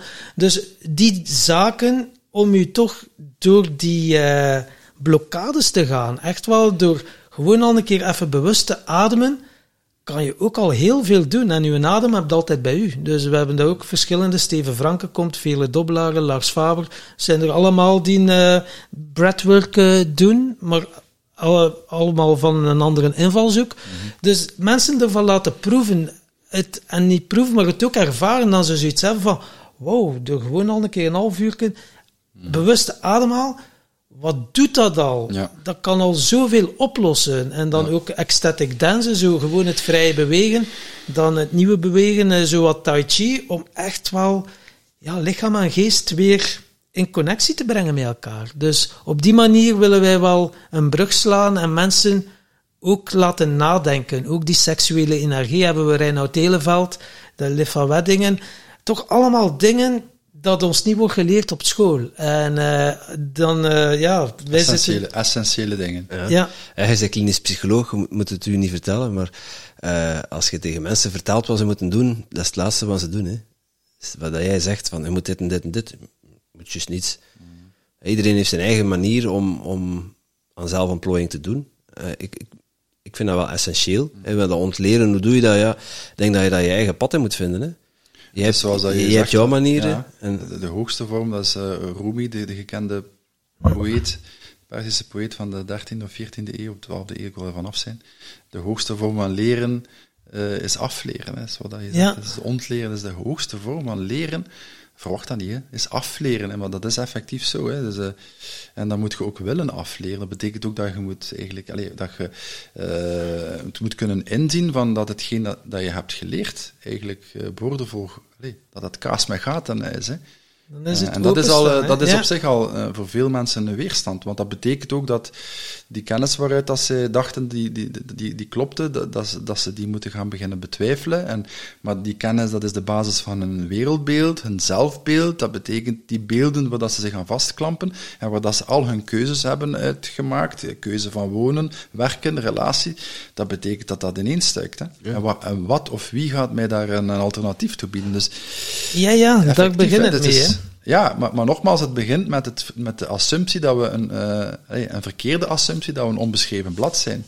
Wat we niet zijn. We worden niet geboren als een onbeschreven blad. Nee. Op geen enkel vlak. We hebben al zoveel meegemaakt in eh, vorige levens, onze zielen. En, eh, maar ja, Willem Glaudemans van Cursus en Wonderen, ja, die is, allee, ja, heeft Cursus en Wonderen, zeg het ook. Dat eerste deel van Cursus en Wonderen is ontleren. Hè? En daarna moet je niets meer leren, want je weet het al. Want het- ja, dus uiteindelijk. hoef je- meer nodig dan, Nee, ja, Voilà. je, hoeft, je hoeft niks meer te leren. Want het zit al in je, maar je hebt wel eerst te ontleren. En dat is. eh, en dat het niets is wat het lijkt. Hè? En dat is, ja, als je er dieper over begint na te denken, met de mind kan je het ook al niet bevatten. En Niet eh, bevatten. Kunt maar uit twee dingen, je kunt gaan leven vanuit liefde of gaan leven vanuit angst. En dat is een keuze. Dat je ergens, een keer dat je dat door hebt, ja, dat is al een begin. Om, ja, maar het is inderdaad, ja, je komt elke keer, eh, every level has eh, his devil. eh, en ja, je komt ook zoveel blokkades bij jezelf tegen. Ja, zelf ook zo wat verslaafd en zo geweest. Dingen niet willen voelen, verdoven, noem het maar op. En dan, ja, is in uw shit gaan kijken. Hè? Ja, die angsten, wat dat de verdoofden in de ogen durven gaan kijken. Oh, fuck, ja, dat. En dan is het dus zover. Ja, maar dat is door de opvoeding van mijn ouders. Het is door dat. Hè. Ga de extern gaan zoeken. Tot wanneer dat het door gaat. Maar ik creëer mijn eigen wereld. Ik door naar binnen te keren en van daaruit uw keuzes te gaan maken, maar in verbinding met jezelf gaat uw wereld ook veranderen. En gaat u ook anders kijken naar de wereld. Komen er nieuwe situaties, nieuwe mensen op je pad. En als mensen zich daarvan bewust worden, dat is al een eerste mooie stap. Dat je ziet dat de, het leven is niet maakbaar, maar wel stuurbaar. En, door, ja, en die keuzes maak je ook voor een groot deel zelf, denk ik dan. Ik weet niet hoe dat jij dat Schoon. ziet. Ja, gewoon gezegd. Ja, als hij maar begint. Ja. Ja, dat, is, eh, ja, dat klopt. Eigenlijk. Hè. Ja, Dus, voor eh, mij is het- klopt. Maar, eh, ik kan heel goed eh, resoneren met wat dat je... Maar ja, ze zeggen, het is allemaal makkelijk. Hè? Dat je zo zegt van, ja, uw, uw werkelijkheid is een reflectie van uw innerlijke wereld. Ja, dat, dat zijn allemaal mooie tegeltjes, wijsheden. Maar om dat dan effectief, ja, want als je zo uw realiteit wilt veranderen, dat is precies alsof dat op een spiegel uw werkelijkheid wilt veranderen. Maar het is naar binnen keren, want dat is waar dat het te doen hebt. En eh, ik vind het boeiender en boeiender Ja. worden, maar je komt wel elke keer, en het houdt nooit op, het Ja. zijn elke keer weer die lagen. Ik heb Ja. nu laatst Pad van de Man gedaan, jij wet van creatie bij die Brand. ja. Alchemie. Pad van de Man door al die archetypes met 23 andere mannen. Eerst die een wilde man, hoe diep durfde werkelijk te voelen, die een minnaar, intimiteit, seksualiteit. Maar als je dat allemaal deelt met die andere mannen, pff, dat verdriet, die boosheid, die dingen, wat dat erin zit, die energie, die krijgersenergie, die- uw koning, de nar, durfde echt wel uw waarheid te spreken. En meest weet het en alles erop en eraan en zo. Ja, dat was ja, transformerend. Hè? En dan kom je wel weer, dan uit ziet, wow, volledig in je kracht. Maar dan begint het. Hè? Dan, krijg, dan zegt het universum, we zullen een keer zien wat dat hier allemaal geleerd hebt. Dan komen de proeven. Hè. Dan komen de proeven. Dus je hè? hebt nu een beetje, hè, je hebt Ja. een opleiding gekregen. Hè, en nu gaan we een beetje proefjes eh, op je afsturen. Ja, Hè. en dan, Aangezakt, je hebt niet gesnapt. ja, oké, we zullen nog een keer een soortgelijke situatie op je pad brengen. Tot wanneer dat aha, oké, het is oké, ik mag in dat gevoel gaan, ik mag het volledig doorvoelen. Maar ja, je hebt zoveel mechanismen door de tijd ontwikkeld, al die zelfbeschermingen, pak. En ja, ons, onze maatschappij is er ook op gestoeld. Hè. Je weet het jij ook, hè? Ja. pilletjes, eh wat is het allemaal, alcohol, eh, eh, televisie. Ah Ja, het is Ja. zoveel om ons af te leiden ook. Zeker. En ja, het klopt. Hè. Dat, is een effect. Is niet omdat, je, omdat, omdat het bewustzijn er is, het besef er is, dat, dat, dat de verandering daar is. Hè. Eh, eh, we worden allee, een gewoonte, of dat het nu leren fietsen, of leren lopen, of, of leren schrijven, of leren spreken, of leren zingen, ehm, of leren voor uzelf zorgen, u, van uzelf houden, dat zijn, dat zijn, dat zijn diep ingebakken gewoontes, hè, verslavingen. Hè, dus dat krijg je ten eerste niet zomaar ontleerd of afge- afgeleerd, en dus laat staan het aanleren en het onderhouden van het aangeleerde. Ja. Dat is, eh, zoals dat je terecht zegt, dat, er, er is de, de ervaring van, wauw, dat heeft hier van alles met mij gedaan. En dan is er de beproeving. hè. Eh, en de beproeving, daar, eh, ja, de- dat vraagt ook weer, of het, het, het doorstaan van de beproeving vraagt dan ook weer andere eigenschappen die je misschien nog niet ontwikkeld hebt, of, of vaardig eh, in geworden bent. En je doet dit niet enkel alleen voor jezelf, maar ook voor je volgende generaties. Hè. Dat gaat generatie op generatie worden dingen doorgegeven. Tot wanneer jij zegt, stop hier en niet verder. Die verslaving, dat zit al generatie generatie. Maar als je dan zelf de keuze was, hier stop het. Ja, maar dan heb je het jij wel, eh, ja, dan, eh, Wij zagen dat vaak in het eh, dagcentrum waar we werkten met, met het genogram. Dat is een systeemtool, een beetje te vergelijken met een stamboom. Dus we lieten dan eigenlijk eh, cliënten, cliënten, hè, hoort het al, geen patiënten, cliënten, eh, eh, dus, dus een stamboom op het genogram opmaken, niet enkel van hun eigen gezin van herkomst, maar ook tot drie, vier generaties verder. En de oefening op zich, eh, maken eh, met, met de cliënten op zich, was, was al zeer therapeutisch. Hè? Jezelf eigenlijk in, in, in een steeds groter wordend veld van namen en gebeurtenissen en data terugzien op een papier. Want uiteindelijk, ja, dat papier, of dat, dat werd gevuld door de verhalen van, van, de- van de cliënt op zich. Maar dan, dan, dan gebeurde er op zich al een soort eh, therapeutisch proces bij die persoon door gewoon eigenlijk te ontrafelen, te herinneren ehm, van waar die persoon komt, eh, zonder nog ergens eh, diep in te zoomen op ehm, de eigen problematiek. Gewoon beseffen bijvoorbeeld, ja, ik ben eh, een, een, een, een agressieve alcoholist. En mijn pa was het ook. En langs de kant van mijn ma zat daar ook een, een, grootvader. En, daar, en dat je dan plots ook ziet dat er patronen in je systeem, je familiesysteem, zo zichtbaar worden, dat, dat, dat, dat doet wat met de mensen. Niet dat daardoor je probleem opgelost is, maar het besef van dat je eigenlijk ook mede een product geworden bent aan de ene kant van een familiesysteem. En dat, je, eh, dat het niet allemaal aan jou ligt. Hè, want dat is eh, een beetje het mes snijdt aan twee kanten. Ehm, het is aan de ene kant beseffen dat het niet allemaal aan jou ligt, eh, maar wel dat je kunt delen, deel worden van, van de oplossing of de weg eruit. Want als je inderdaad te veel denkt van het ligt hier allemaal aan mij, dan laat je jezelf met zoveel eh, schuld op dat het bijna niet, niet te doen is om, om het te dragen. En, en daar zitten ook veel ehm, mensen in vast. Eh, de, de psychologen, de therapeuten, de coaches, eh, de spiritual gurus, noem maar op, die hebben ook vaak daar wel moeite mee. Ja. Dat er een te groot verantwoordelijkheidsgevoel is die, die eigenlijk niet klopt. Hè, dus, het, dus het helpt ook wel om, om, om uit te zoomen en te kijken naar waar zit, mijn, waar zit het slachtoffer in mij? Omdat je spreekt over archetypes, dat is ook mijn wereld. Hè, Dus, eh, je hebt het slachtoffer in u, je hebt de dader in u, je hebt De de, redder. de redder en je hebt de held. Hè. Dus dat, dat is, de held staat daar buiten. Hè. Het is aan de held in u om eh, eigenlijk daar toch wel eh, in te kijken en door te kijken. En, en, sta je ook wel op je plek met familieopstellingen, die verstrikkingen in je vaderlijn, je moederlijn, het veld laat het zien. En dat is ongelooflijk wat dat je daar ook mee kunt veranderen uiteindelijk. Ja. Dat, eh, dat laat u alles zien. En als je dan, zelfs. dan als het iemand inderdaad goed kan begeleiden, ja, dat is meer waard, zo één uur therapie, dan dat je 500 uur naar Ja. een psycholoog gaat uiteindelijk. Eh, Zeker, dat is, zeker de klassieke psychologen. ja, dat is inderdaad wel een feit. En daar gaat, ja. Ja, nee, niks. Ja, ik, en wou- dat ik, is ik wou zo- zeggen, want er zijn, er zijn zoveel mogelijkheden en zoveel manieren om, om Ja. aan jezelf te werken, dat je bijna door de boom het bos niet ziet. Hè? Ja, maar, maar het, eh, de moeilijkheid, eh, dat is mijn ervaring ook, persoonlijke ervaring, maar ook professionele ervaring. Na 25 jaar kan ik wel wat ervaring voorleggen. Ik doe ook al 17 jaar slachtofferhulp, dus ik heb al heel veel eh, werelden ook, ook gezien, van binnen en van buiten. Lastige werelden, zeg maar. Ehm, er is inderdaad zoveel en er zijn zoveel, eh, de, de, het het opprijzen van zoveel hulpverlenende types, ik vind dat fantastisch, maar soms eh, is het eh, ja, een beetje zoeken naar wat overzicht. En, en je hebt aan de ene kant dus de ervaring, hè, zoals dat je daarnet beschreef, van, van de zweethut en, en, en de archetypes gaan doorleven, en familieopstelling, allez, om er maar een paar te noemen. Er zijn er veel te veel.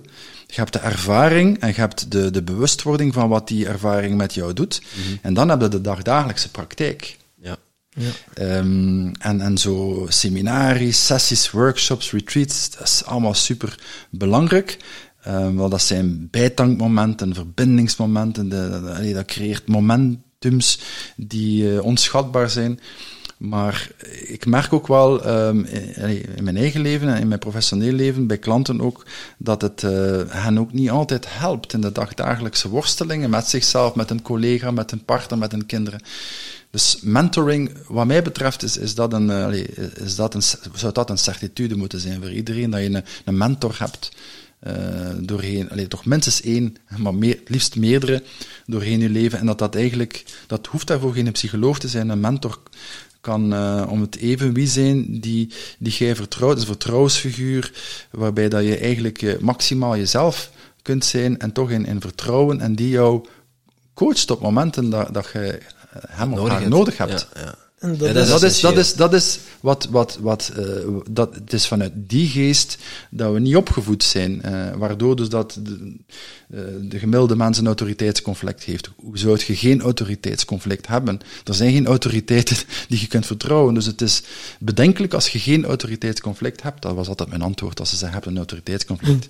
Dan denk ik van, ja, hallo, waarom zou ik met jou geen conflict hebben, hè? Vertrouw u voor geen ze. Hè? Uh, maar maar dat is het probleem. Hè? Jeff Hoebrecht zegt dikwijls, we zijn allemaal vaderloos. Hè? Het probleem is dat we allemaal vaderloos zijn. En uh, dat is deels waar, maar het is ook omdat we goddeloos, alleen omdat we goddelozer geworden zijn en dat ook projecteren op de vaderfiguur die er niet was en, en, op de, en op de moeder die er niet was. Maar uiteindelijk moeten we zelf ook uh, in, in haar verbinding komen met, met onze innerlijke vader en innerlijke moeder, al dan niet geprojecteerd ja. in de fantasie op uh, ideeën, religieuze of spirituele ideeën. Maar het is uh, wel, wel uh, een, een, heel lastig proces. Hè? Zo de, de, sadhana. Ik, ik, heb, ik ben van mijn 17 jaar in een yogacentrum in Gent terechtgekomen. Dat was ook wel nodig. Uh, om toch ergens ja, bij mezelf te kunnen blijven. Um, en ik, dat is uiteindelijk wel een passie gebleven, yoga. Um, en, um, of, of een diverse vorm van yoga.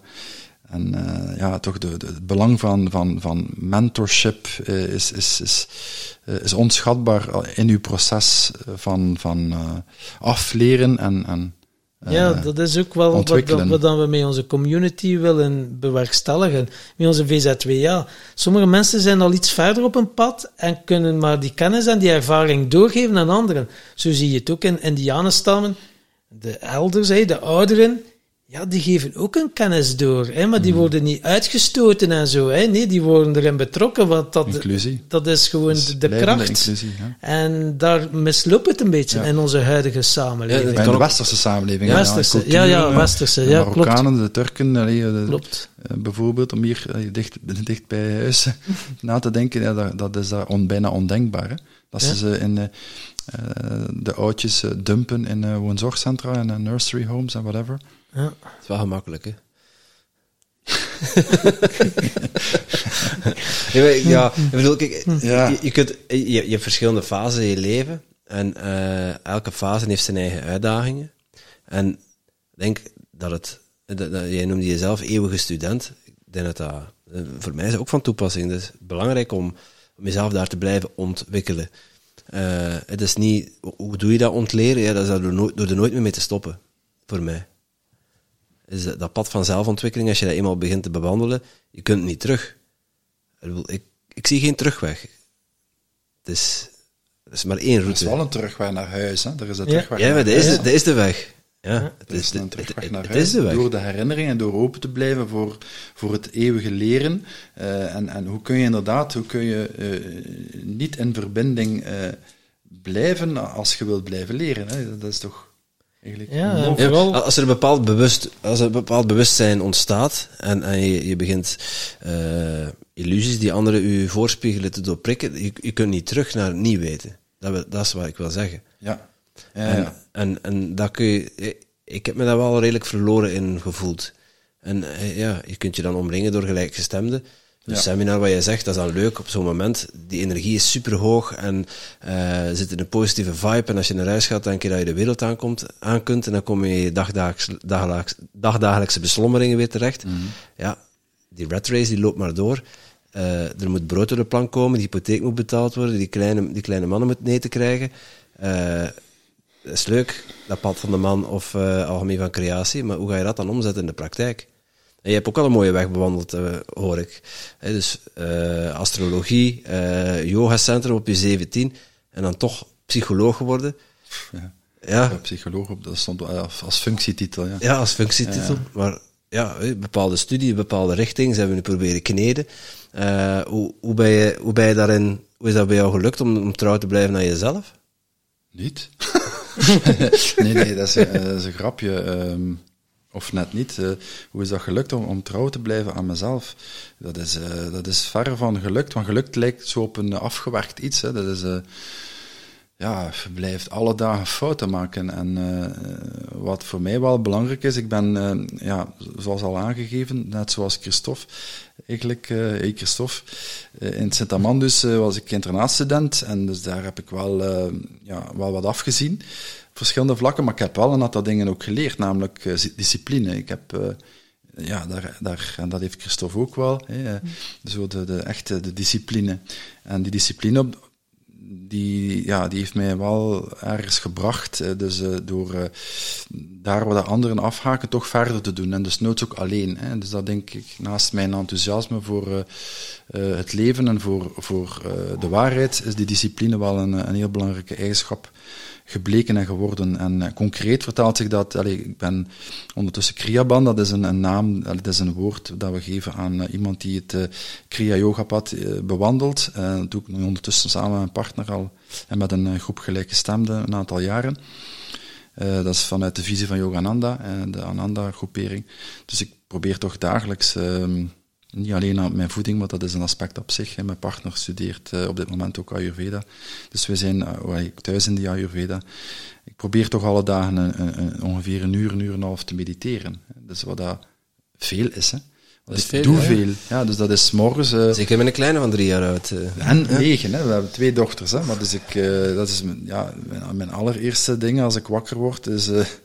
dat is niet mogelijk, nee, nee. dat Blijf is, dan eh, maar eens bij jezelf. ja, ja, ja, maar ja, bedoel, ik doe, wij doen intermittent fasting, dus wij eten maar vanaf tussen 12 en 1. Dus dat, eet, dat ontbijt valt al weg, toch zeker voor de volwassenen. Maar dan maak ik eh, al- altijd voor mijn partner en ik zo een lauwe citroen met, met honing. En dan begint mijn, eh, mijn, mijn, mijn, mijn oefening, een beetje yoga-oefening. Dan de, nog, een, nog een oefening en dan ongeveer een half uur tot drie kwartier meditatie. 's morgens en dan begint de dag. En op het eind- van de dag, meestal tussen 8 en 9, doe ik eh, mijn tweede oefening, eh, mijn tweede meditatie. En voor mij is dat wel heilig geworden, eh ten meer ook omdat ik ook wel wat zaken heb ontwikkeld, ziektes zoals men dat dan noemt. En het was ook wel van moeten om toch dringend een aantal ingre- ingrepen te doen, zowel naar voeding als lifestyle, als, als stressbeheersing. Dus ja, is u dat gelukt? Eh, onderweg eh, heb ik ja, eigenlijk alles wat je maar kunt misdoen, heb ik misdaan. Eh, het verschil is dat ik denk ik daar probeer uit te leren. En daar ook zelfs niet altijd in slaag om daar onmiddellijk iets uit te leren. Maar het verlangen is er wel om, om, om, om eigenlijk te leren en vooral af te leren. En, en, en, en, en ja, je doet je best, eh, maar je wordt tegelijkertijd ook eh, nederiger. Eh, ook al kom ik niet altijd zo over, hoor, maar je wordt ook nederiger omdat je ook beseft van hoe lastig eigenlijk de dingen zijn om, om, om werkelijk te veranderen. Hè. Dat is Want ja, toch, als je zo de tijd die krimpt. Ja. Als je zo terugkijkt dus op je leven en dan zie je alles wat dat je zo meegemaakt hebt, ja, connecting the dots, heb ik zoiets, oké, ja, oké, dat verslavingstuk, dat, ja, maar dat heeft er wel voor gezorgd dat ik nu de persoon ben die ik, nu kan zijn. En kan nu er ook mensen mee verder helpen, door al die ervaringen om in bepaalde milieus te vertoeven, die ja, op gezondheidsvlak toch, ja, voor discussie vatbaar zijn. En eh, ja, ook jaren ambtenaar geweest in die Gouden Kooi. Ja. Meer dan twintig jaar er op een bureau gezeten. Het leukste dat ik vond was onder de middag pinten drinken met mijn collega's. Maar ja, daar heb ik twintig jaar volgehouden. De eerste jaren dacht ik, wauw, zo leuk, een job, pinten drinken en nog voor betaald worden. Maar dat was dan nog mijn motivatie, mijn drijfveer. Kun je je al voorstellen, als ik er nu op terugkijk, denk oh my god, maar toen keek ik toen naar de wereld. Maar ja, geen, geen perspectieven en zo, ja, aftellen. Ah ja, nog zoveel jaar, dan is pensioen, dan heb ik een schoon pensioen. Ongelooflijk, hè, hoe dat je dan zo bent geprogrammeerd. Tot wanneer dat universum dan zegt, oké, ik zal even ingrijpen, zware bore-out, noem maar op, en door een heel proces gegaan. Hij is op vervroegd pensioen gestuurd. Ja, en Het universum. het universum zegt, je hebt hier nog andere dingen te doen. En dat is natuurlijk heel mooi om dan toch die lessen eruit te halen en dan toch van betekenis nog te kunnen zijn. Maar voor hetzelfde geld zat ik nog op die een bureau. En, Zoals eh, velen, zoals velen. En echt wel, ze zijn zo geprogrammeerd, elke van maandag tot vrijdag de... Ja, en dan de maandag opnieuw starten. Maar nu, ja, de keuze gemaakt. Oké, ik wil iets doen met coaching. En het ook volledig omgedraaid. En eh hypnoseopleidingen gevolgd. En ja, dan de podcast gestart. En nu is het ook wel... Het universum test u wel van het hier wel. De, eh, wat dat hier aan het doen zit, is het niet even, want we hebben ook al onze uitdagingen gekregen op al die jaren, maar ja, we zijn toch altijd een commitment, oké, minstens 100 afleveringen met de podcast elke week. We zitten nu bijna aan 200. Maar het is leuk en nu merkte, wauw, komen er nieuwe mensen op ons pad die net die informatie hebben of die kennis hebben om dat dingen, eh, ja, dat, dat dan weer te doen hebben, uit te dragen. En mis je missie. dan zo niet die, mo- die momenten van eh, de gouden kooi en die, die, die, die pent, dat pentelieren? hè? Eh, Wel, ik moet eerlijk zeggen, het pentelieren en zo op café zitten, eigenlijk niet. Maar het heeft wel een overgangsfase geweest. Dat ik dan nog eens in een raar agent ging. In 2018 dronk ik niet meer en dan staat er zo wel mee. je zult er wel van, van, van gaan drinken, hè, als je een agent ging doen. Ja, dat is terecht opmerking. hè. Oosten, eh, als je hem nog een keer ziet, eh, pak hem een keer vast. hè.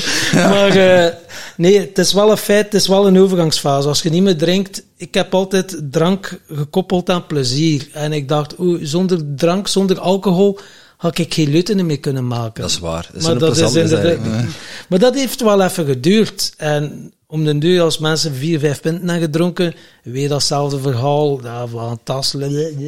En dan denk ik, ja, gast, het is goed. En dan zoek ik het ook niet meer op. Het is ook niet meer zo leuk.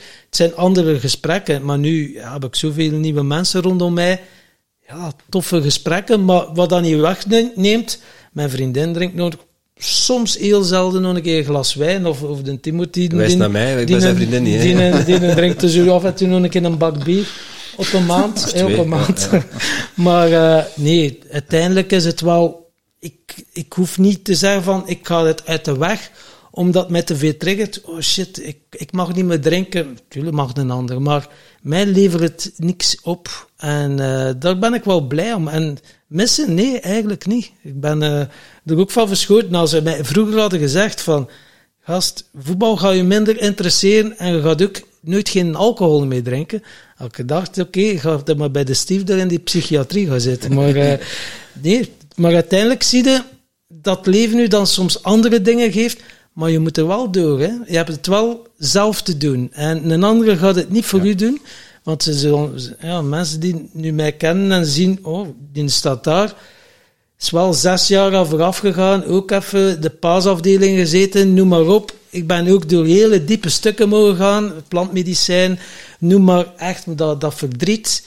Dat zijn geen plezierreisjes. Maar ja, ik had ook wel het gevoel, ik heb dat hier te doen. En ik wou het ook. Ik wou echt wel mijn volle pot- potentieel gaan beleven. En eh, dat En is een nu- missie, een missie kan wel eh, sterken. Hè. Ik denk als je een bepaalde missie hebt van ik wil eh, die kanten van mezelf inzetten in de maatschappij voor die groepen, jongeren of ouderen of volwassenen court, of die specifieke probleemgroepen. als je, het helpt wel als je een bepaalde missie hebt. Mij heeft dat toch in ieder geval wel geholpen om eh, doorheen die tunnel van eenzaamheid, want het is eh, zoals dat je het een beetje beschrijft, ik beschrijf dat ook, het is een, een, toch een tunnel van eenzaamheid die, die zeer vernauwd is en die, die jouw proces is. Hè. En er kunnen natuurlijk supporters zijn eh, langs de kant, maar je moet er wel zelf door. En, eh, ehm, ja, het helpt wel als je door eh, het licht van je missie wordt getrokken. Hè. En Ja. het probleem is dat, dat, dat er eh, steeds minder en minder tijd eh, is voor mensen, dat merk ik ook in de praktijk, om, om dieper na te denken over wie ben ik,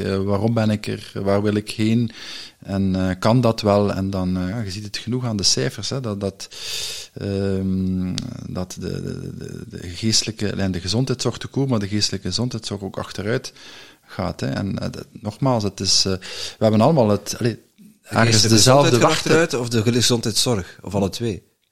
Beiden, hè. Ja, hè? Beiden. De, ja, de, de zorg ook, hè, want die, die kreunen ook. Hè. Eh, Het is de zorg die kreunt, maar ook ja, de, de, gezondheid, de gezondheidszorg algemeen, en de gezondheid van het collectief en de gezondheidszorg, allee, en de geestelijke gezondheidszorg, om ze allemaal te hebben. Ja, het is bijna, het is bijna dramatisch aan het worden. Het is Ja, ik schrik ervan. Als ik, zie, als ik zie naar de jeugd, dat is dan onze toekomst, eh, ziet de toekomst er niet heel goed uit. Het is dramatisch. Ja. Het is echt dramatisch. Op psychologisch vlak in Het ieder is geval. dramatisch. Ja. Het is op alle vlakken dramatisch. Hè. We, we hebben te maken met. eh, eh, ik ben ook aan een boek aan het afwerken en ik beschrijf dat als de, de, de teleurgang van de held. En dat gaat over eigenlijk de, de, ja, de, de, de, downfall of the hero in ons. Hè. Dat is, eh, het feit ook dat, dat, dat we op allerlei manieren worden gebrainwashed, verzwakt, verslaafd gemaakt in functie van. van nu weten we dat dat het, het- het transhumanisme is, maar goed, dat is ook maar een, facet binnen de, de, het, het afglijden van onze essentie. En, en dat wordt uitgebuit. eh, en we weten niet op welke manieren allemaal, maar op heel veel manieren. Dat we ja, verslaafde robotjes en robotten geworden zijn. Hè. En, en ehm, ja, dat, dat wordt al alsmaar, alsmaar eh, erger. Eh, dus we geraken vervreemd en ook verzwakt, individueel en collectief, waardoor het moeilijker wordt om uit het dal te kruipen. Eh, en als je dan eigenlijk een beroep doet op, laten we zeggen, de, de, de klassieke geneeskunde, reguliere geneeskunde, dat is geen geneeskunde, dat is ziektekunde. Dus, eh, ja, ik ben daar eh, radicaal in. Hè. Dus, medische interventies, wat mij betreft, zonder statistieken te kunnen voorleggen, de grootste, naast de onwetendheid des mensen, ben ik op nummer twee de medische interventies. Dragen bij tot heel veel eh, lijden. Hè? Want uiteindelijk verwacht je van een medicus toch eh, dat hij eh, meer weet en meer kan dan jij. Hè? En niet dat hij je nog zieker maakt. Hè? Als je leest eh, de statistieken, hè, hoe, hoe steeds jonger ehm, kinderen aan de, ja, de medicatie worden gebracht omwille van een diagnose die geen, die geen steek houdt. Maar eh, omdat er nu eenmaal ja, voor eh, elk nieuw medicijn vinden ze een diagnose uit, niet omgekeerd. Hè? Ja. Ja, kijk, als je een open beenbreuk hebt, dan is het fijn dat je adequaat en professioneel geholpen wordt. Dat wel. Maar- technisch. Ja. Ja. technisch. Ja, dank u wel voor de spoedartsen en voor de, voor de chirurgen nee, bij, bij ernstige kwetsuren. Maar het houdt daar volgens mij wel ergens een beetje op. Hè. Ja, ja denk ik ook. Maar jammer genoeg leven we niet in zo'n zo'n wereld. Hè. Ja, we zeggen het regelmatig in onze podcast. Ja, de voedingsindustrie en de farmaceutische industrie, ja, dat zijn dezelfde bazen. En de voedingsindustrie maakt u ziek en de farmaceutische industrie houdt u ziek. Ja, ja, en dat gaat mooi hand in hand. Dat is een fantastisch verdienmodel. En eh, ja, maar door En alles, vanuit het, alles vanuit de ideologie van, van zogezegd, de ideologie van, eh, voor het welzijn van de mensen. Hè. Ja, Dat is de manipulatie, dat maakt een manipulatieve eh, slang rond. Hè. Dat is eigenlijk, hè, zoals dat gezegd, voeding en, en, en farmacie. eh, en alles zo gezegd voor de gezondheid. Hè. Ja. Zoals dat men eh, in veel bedrijven eh, zegt van de, de, de mens staat centraal, of de patiënt, of de cliënt, of de, de, de customer staat centraal. en ja, zet daar maar dollartekens of, of euro's. Hè. De aandeelhouder staat centraal. Ja, zat. eh, dus we worden eigenlijk op alle vlakken eh, bedrogen en dat is al, al, al eeuwen zo. Alleen de laatste jaren wordt het iets, iets voelbaarder en zichtbaarder. En wat zou jij zo de mensen, of de bewuste mensen, of alle mensen meegeven? Jij liet al vallen dagelijks mediteren, maar wat kunnen mensen doen, al eerste stapjes, om echt wel ja, hun gezondheid eh, wat eh, te boosten? Eh, meditatie hoor ik u zeggen, intermittent fasting heb ik u ook al horen vernoemen. Ja, Ehm, er zijn veel dingen. Hè. Gaat er dingen. is heel veel, Je maar natuurlijk eh, verschillende lagen. Hè. Je hebt je, je fysieke eh, leven, je hebt je mentale leven, je hebt je emotionele leven, je hebt je sociale leven, je hebt je spirituele leven. Er zijn zoveel lagen, zoveel dimensies. Ehm, en, en het probleem is dat we eigenlijk eh, vooral getraind worden om ons visuele zintuig, we hebben vijf zintuigen, mensen vergeten wel eens, hè, maar dat we vooral getraind worden om het visuele zintuig eh, te gebruiken, minder ehm, het gehoor of minder de, het gevoel, minder eh, de reuk. Eh, dus daar zitten we al met een, een, een zeggen, ingebakken deficit, een ingebakken handicap.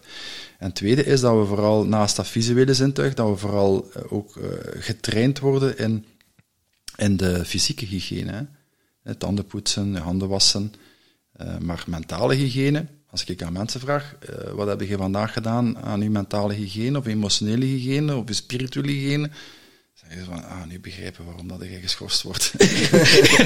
Ik begin het ook te snappen. Ja, ja, ik ook te snappen. Maar ik stel die vraag omdat dat uiteindelijk, eh, weet je, eh, we hebben eh 60.000 gedachten gemiddeld per dag, zeggen bepaalde onderzoekers. Eh, ik denk dat dat bij sommigen minder en bij anderen meer zal zijn.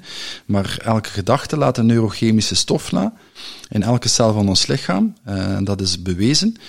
Emoties net hetzelfde. Hè. We zijn een, vaten vol, eh, een vat emoties, maar op welke manier zijn wij getraind in het eh, mentaal-emotioneel eh, verzorgen? Hè? Wat is hoe ziet er uw hygiëne uit? Hè? Wat doet je eigenlijk met je gedachten? Schrijft je die uit?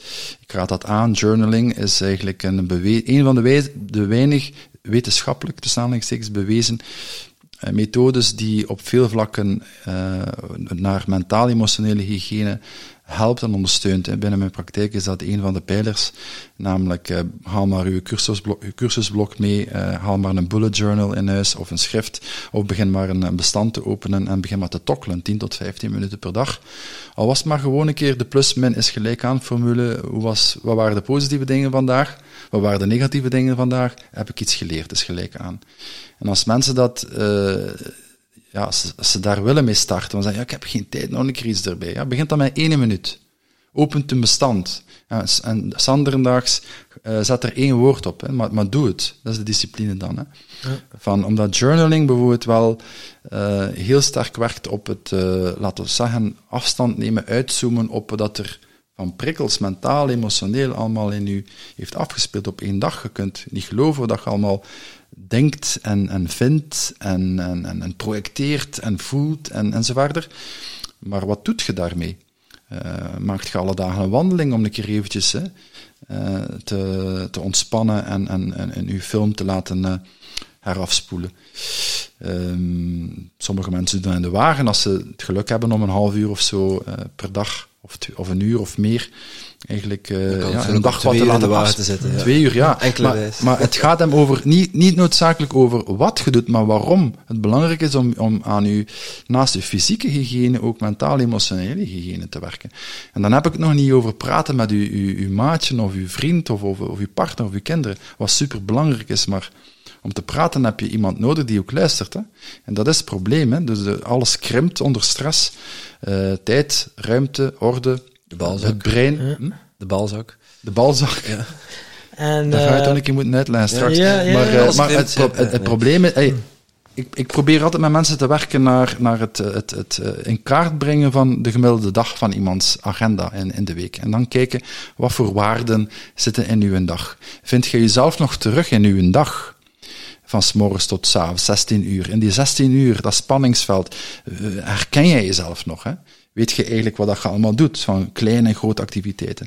En vaak is dat al confronterend voor veel mensen. Van, wow, er zit nog 10, 15 procent van mezelf in. De rest is weg. En, en hoe kun je dan eigenlijk via mentoring, hoe kun je gaan sleutelen van die 10, 11 procent maken, van die 11, 15? En dat is een hele belangrijke naast eigenlijk dag, dagelijks bezig zijn met, eh, we kennen het allemaal, het belang van minder eten, beter eten, minder denken, beter denken, eh, meer eigenlijk eh, toegang krijgen tot uw gevoelens door te schrijven, door erover te praten, door ja, ook, ook te wachten als iemand u een vraag stelt, hoe is het met jou? Niet direct een antwoord te geven, goed of niet goed, van ja, even te laten wachten. En als de andere zenuwachtig wordt, wa- ik ga er even over nadenken. Heb je een momentje? Bijvoorbeeld, tijd en ruimte creëren om te denken en te voelen en da daar iets mee te doen. En komt er, ja, is er geen gehoor, toch ergens durven zeggen van, ik ga het u laten weten straks, of ik wil er iets over zeggen. Wacht. Of als iemand je onderbreekt van, hey, ik, ga het, hè, ik ga het toch zeggen. Dus eigenlijk toch uw tijd, uw ruimte, uw orde herstellen. Want dat is wat er krimpt hè, onder, onder stress.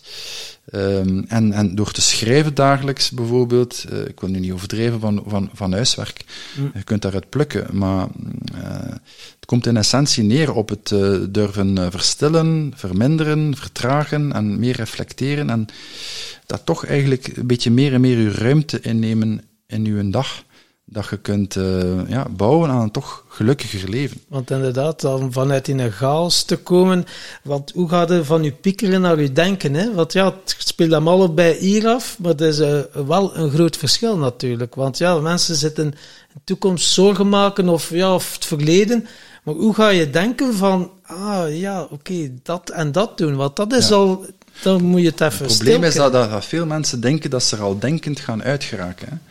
Um, terwijl, nee, ik heb regelmatig mensen dus die men nog dagelijks uh, schrijven. Uh, dat is onbetaald, want ik moet enkel lezen.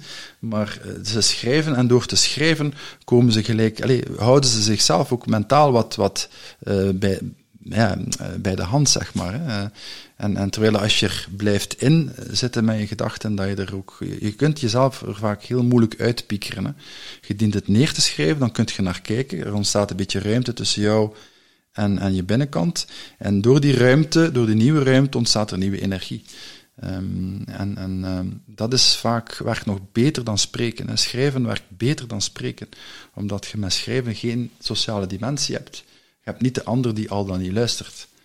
En dus dus uh, ik vind schrijven een heel belangrijk, uh, um, heel belangrijk werkwoord als het gaat over mentale, emotionele hygiëne uh, scheppen en dus ook voeling in voeling blijven met jezelf. Hè. Hm. Dat je niet het residu van vandaag meepakt naar morgen en dan elk residu in je emmer stapelt zich op. En dan uh, door de beperkte tijd, ruimte en kwaliteit van leven en, en, en, en communicatie, ja, geraakt je inderdaad oververhit. En begint je te projecteren en te schelden en, en, van de een naar de andere relatie te freewheelen, zeg maar. Ik niet, hè. Ik ook niet, zo, maar niet naar mij kijken. ik niet, ik heb... Uh, ja, uh, ja, ja, nee, maar, maar, er zijn veel natuurlijk, er zijn veel uh, hulpmiddelen, hè. Er zijn veel maar maak het, jezelf niet, maak het jezelf niet te moeilijk, hè. Allee, als je aan mensen vraagt van, schrijf een keer, beschrijf een keer uw dag. Hoe ziet dat eruit? Schrijf het een keer op. En ben je, geef daar een keer een score aan. Ben je tevreden algemeen? Is dat een 6? Is dat een 4? Is dat een 8 op 10? En dan, uh, wat zou je meer willen, wat zou je minder willen? Dat is een beetje de balans, hè, energiebalans.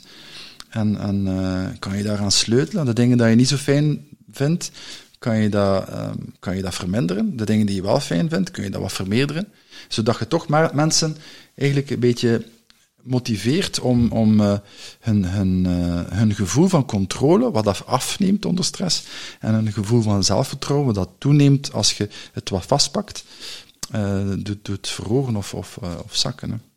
Ja, het is wel belangrijk om wat tijd te reserveren voor jezelf, hè, als, al is maar een kwartier. En daarom is meditatie, vind ik, als ik niet, mocht ik niet gemediteerd hebben de laatste drie jaar, dat ik al drie jaar, zat ik nog drie jaar vast in de gevangenis, bij manier van spreken. Uh, mijn temperament kennende, maar uh, daarmee zeg ik natuurlijk twee dingen. Eén, uh, dat, ik een hoog allee, dat ik een vurig temperament heb. En twee, dat hoe belangrijk meditatie voor mij is in een situatie van ook een, een druk gezin um, en veel werk. En heel maar, veel mensen denken nu, en nu weinig, niet zo heel veel van onze luisteraars natuurlijk, maar mensen die, uh, sommige, de meer onbewustere mensen, denken, ja, meditatie, denken, oké, okay, de, de stief zit er in zijn oranje gewaad, uh, of misschien is dat ook wel zo.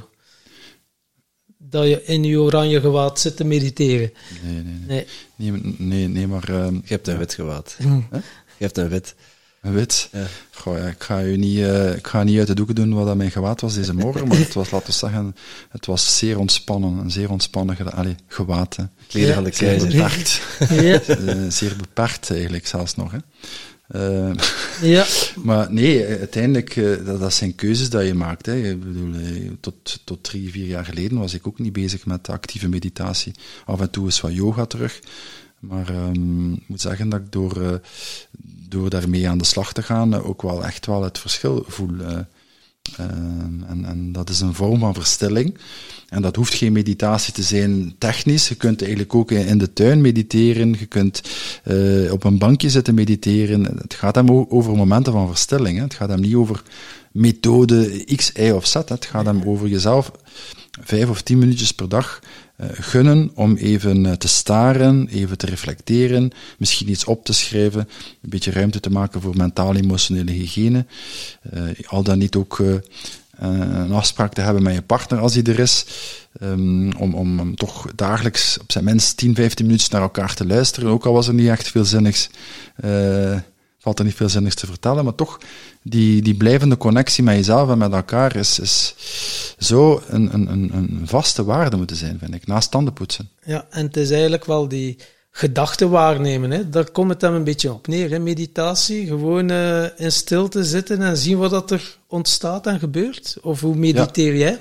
Is het ook wel zitten en focus op eh, de neus en op Maar de het is een hele methode dat we volgen vanuit de, de Kriya-filosofie. Eh, eh, het het zijn een aantal technieken, eh, maar in principe komt het eh, doorgaans neer op het, eh, eigenlijk, ehm pratyahara wil zeggen, eigenlijk het, eh, het afsluiten van, of proberen afsluiten van je zintuigen. En ehm, inderdaad, via ademhalingsoefeningen, eh, je kunt gewoon de, de adem volgen. Je kunt dat met tellen doen, 8, 8, eh, 8 4, 8 of, of 6, 3, 6. Zes tellen inademen, ze- eh, drie tellen vasthouden, zes tellen uitademen. Of eh, zes tellen inademen, zes tellen uitademen. Dus het gaat erom om van ja, met je ademhaling aan de slag gaan.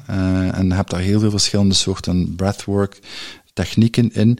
Dat is een vorm van, van eh, je ademhaling volgen, je, ogen sluiten. En, ehm, en dan afhankelijk van de methode dat je al dan niet volgt, is het met de methode, kan het, transcendente meditatie is, is eh, echt leren verstillen en observatie, leren observeren van je gedachten en niet deel uitmaken van de wolkjes van gedachten. Dat is een, eh, een, proces op zichzelf. Bij mm, de, de, de technieken die wij hebben aangeleerd zijn eerder technisch, dat je toch nog een aantal kapstokjes hebt door middel van een, eh, laten we zeggen, een stukje gebed, een stukje mantra, eh, dat je in integreert en dan eh, een pranayama, dus een ademhalingsoefening.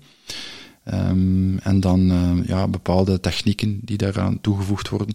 Maar dat is een hele, dat is een hele batterij aan, aan oefeningen. Je hebt er heel veel eh, daarin. Maar ehm, ja, laat, laat, dat de mensen zich daar niet door van laten afschrikken. Het is, eh, het is bewezen dat eh, relaxeren ehm, en mediteren, dat dat eh, zeer bevorderend is voor onze algehele, onze algehele weerstand en, en onze zelfbeheersing eh, en, en onze, onze energie, te koer. En als je in die staat verkeert, dan voel je je waarschijnlijk gelukkig. Of, eh, en altijd. Onze, ja, en onze podcast Je wordt, wel. bewust, je wordt bewust ook vaak van het ongelukkig zijn. Hè? Dat is ook vaak, hè. ik heb jarenlang training gegeven eh, eh, rond Jacobson en Schulz, de klassieke eh, ontspanningsoefeningen, die zeer wetenschappelijk onderbouwd zijn. En dan lieten we altijd zo'n een, een, een muziekje, een ambient of, of zoiets relaxatieachtig afspelen met vogeltjes en zo. En 50% van de deelnemers, die, die kan, niet, die kan die vogels niet horen of hè, ik, wou ze, ik wou ze wat aandoen. Hè. Dan zei ik van, ja, maar dat zijn toch niet die vogeltjes hè, die je onrustig maken. Ze maken je bewust van de onrust die er al is. Hè. En dat is, hè, meditatie is niet van, ik doe eventjes de meditatie en, en ik kom in een soort eh, zen-toestand en, en haal mij er alsjeblieft niet uit. Hè. Dat is het echt niet. Hè. Dat is echt bewust worden van hoe gespannen je bent, hoe gespannen je lichaam is, hoeveel gedachten je hebt, hoe moeilijk het is om de focus erbij te houden. Dat is dagelijkse training, hè. En om je focus erbij te houden. En dat is de oefening op zich. Het is niet van, wow, ik heb hier, ik heb hier echt de hemel eh, gezien en gevoeld. Hè. Be- Begin maar eens als met, met tien keer bewust ademhalen zodra je wakker Ja, wordt. dan een keer proberen doen en de- dat tien keer doen, Tien zonder keer, dat je ja, aandacht afgeleid geraakt. Dat is een mooie oefening om mee te beginnen, denk ik. Probeer dan een keer t- tien minuten naar iemand te luisteren zonder dat je afgeleid geraakt. Hè. Of een minuut. Stel dus voor twee uur. Ja, Maar onze podcast gaat over geluk en succes. En eh, ja, aangezien dat jij misschien een fervente fan bent, al, al onze afleveringen net gehoord, dan weet jij dat, jij, dat wij aan u vragen, wat is jouw definitie van geluk? Wat betekent voor jou geluk?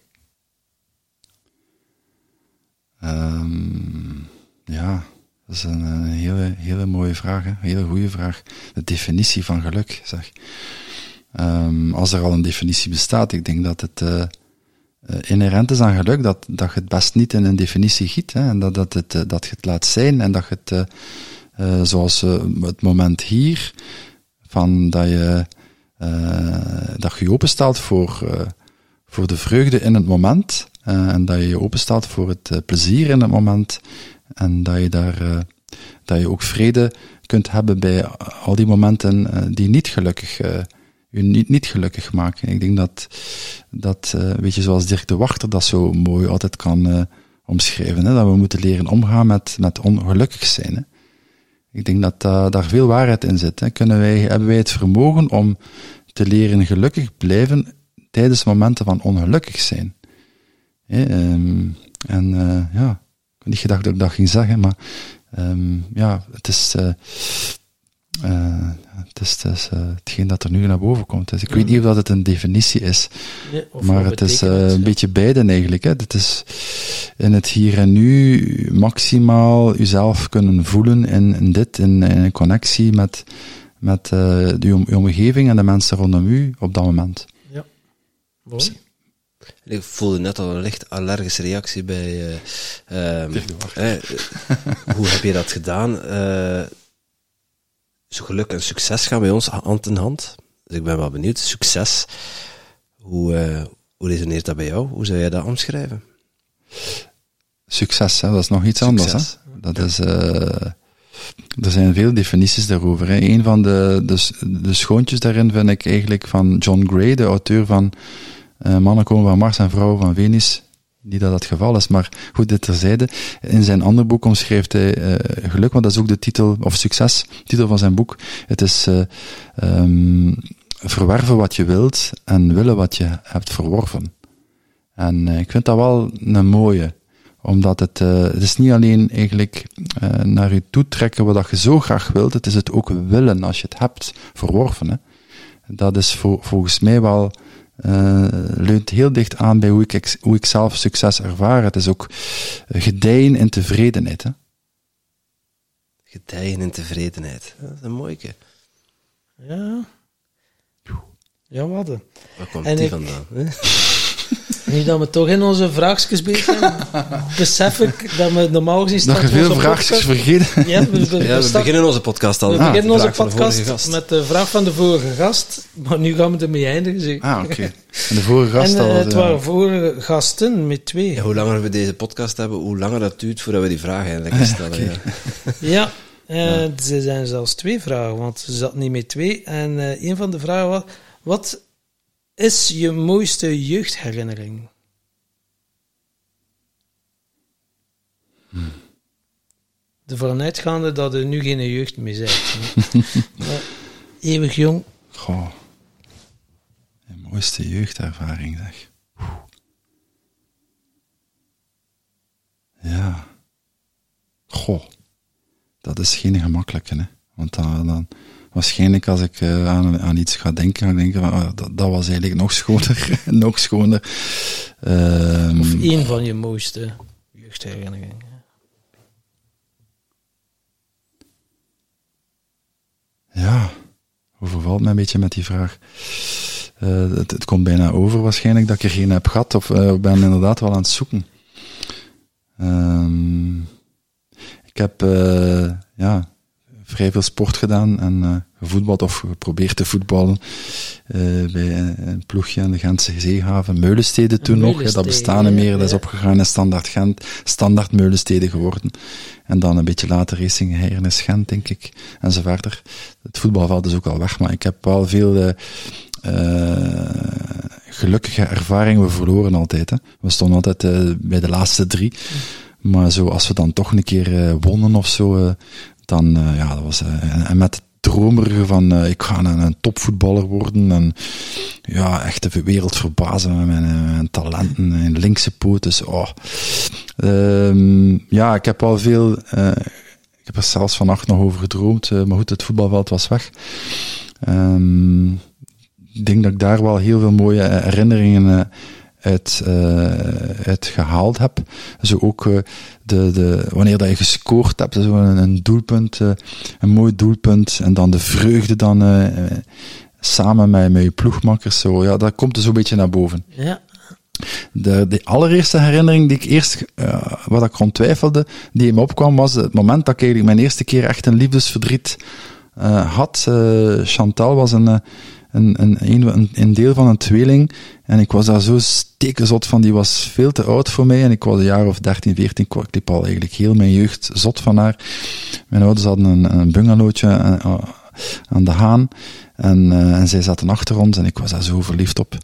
En, en, ja, op een zeker moment ja, was ik 14 of 15 en was er toch een opening. Er kwam wat opening, figuurlijk dan.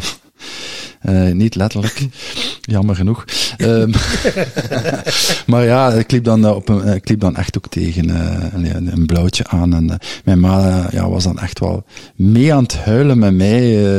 Ik, ik, ik, zie dat beeld nog voor mij. Ik vond het ja, natuurlijk een verschrikkelijke ervaring, maar op een of andere manier kwam het nu wel in mij op. Um, omdat het toch wel ja, zo de, zeker als je dan zelf papa of mama wordt, zo dan zo de, de liefde voor een, de liefde voor een kind. Dus ik heb het nog eh, gisteren tegen iemand gezegd, dat is uw hart. Uw hart ligt buiten nu. Hè. Uw hart ligt buiten nu. Hè. Dat is forever. Hè. Dat, dat je geen, geen baas meer bent over je eigen hart. En dan zo die ervaring van een moeder die meehuilt omwille van uw eerste liefdesverdriet. Ja, dat is misschien niet de allermooiste ervaring, ja, maar wel... Hm? Ja, ik vind het wel mooi. Ja. ja. En dit in combinatie met toch het... Uh, het, het, score. Ja, het score. Dacht, ja. gaat het, het score.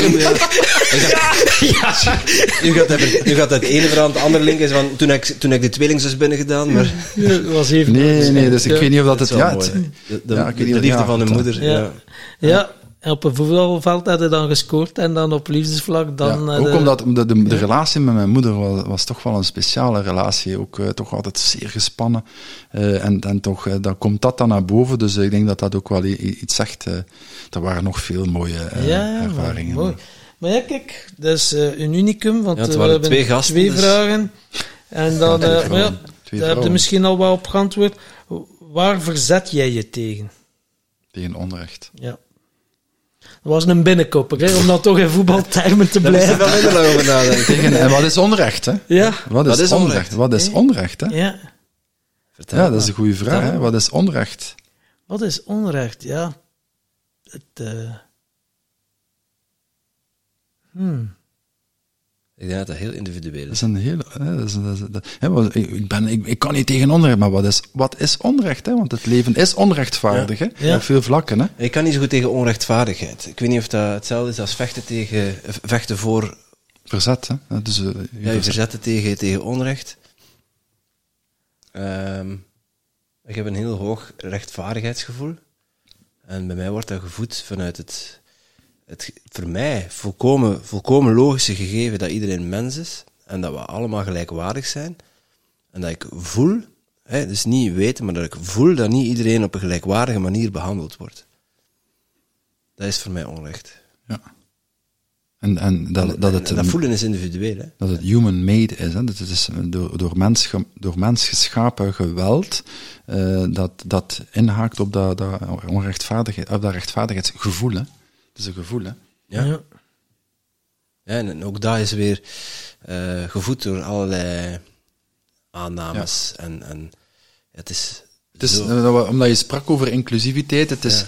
eh, de, de, de, de ervaring van exclusiviteit. Hè? Dus, dus dat je, of dat je niet, nee, de ervaring van niet geïncludeerd eh, te zijn, hè? omwille van uw, uw anders zijn, omwille uw andere mening, uw andere huidskleur, andere principes, dat je op basis daarvan wordt verworpen en het zo het en niet, onrecht daar. ja, ja, niet in, in uw pure zijn staat. Ja. Ja. Dat is het voor mij. Ja. Wat is het voor jullie, mannen? Onrecht. Ja, zoals jullie ook al aangaven, het is eerder een gevoel, hè. Eh, dat je zoiets hebt van, dat het u echt raakt op een manier. Maar ja, dan is het ook weer, ja, je kunt zodanig al geprogrammeerd zijn met overtuiging. Ik had ik vroeger zo van, eh, als, eh, als de agent Club Brugge was en die een arbiter ja, was dan omgekocht door, door Brugge. Ja, ik heb mij redelijk veel onrecht gezien op voetbal. Maar ja, dat is dan het gevoel. Als ik er nu naar kijk, ja, het is toch iets anders beleven. Maar toen was dat echt onrecht. Dan voelde je echt bestolen, want je had je echt geïdentificeerd met in een ploeg.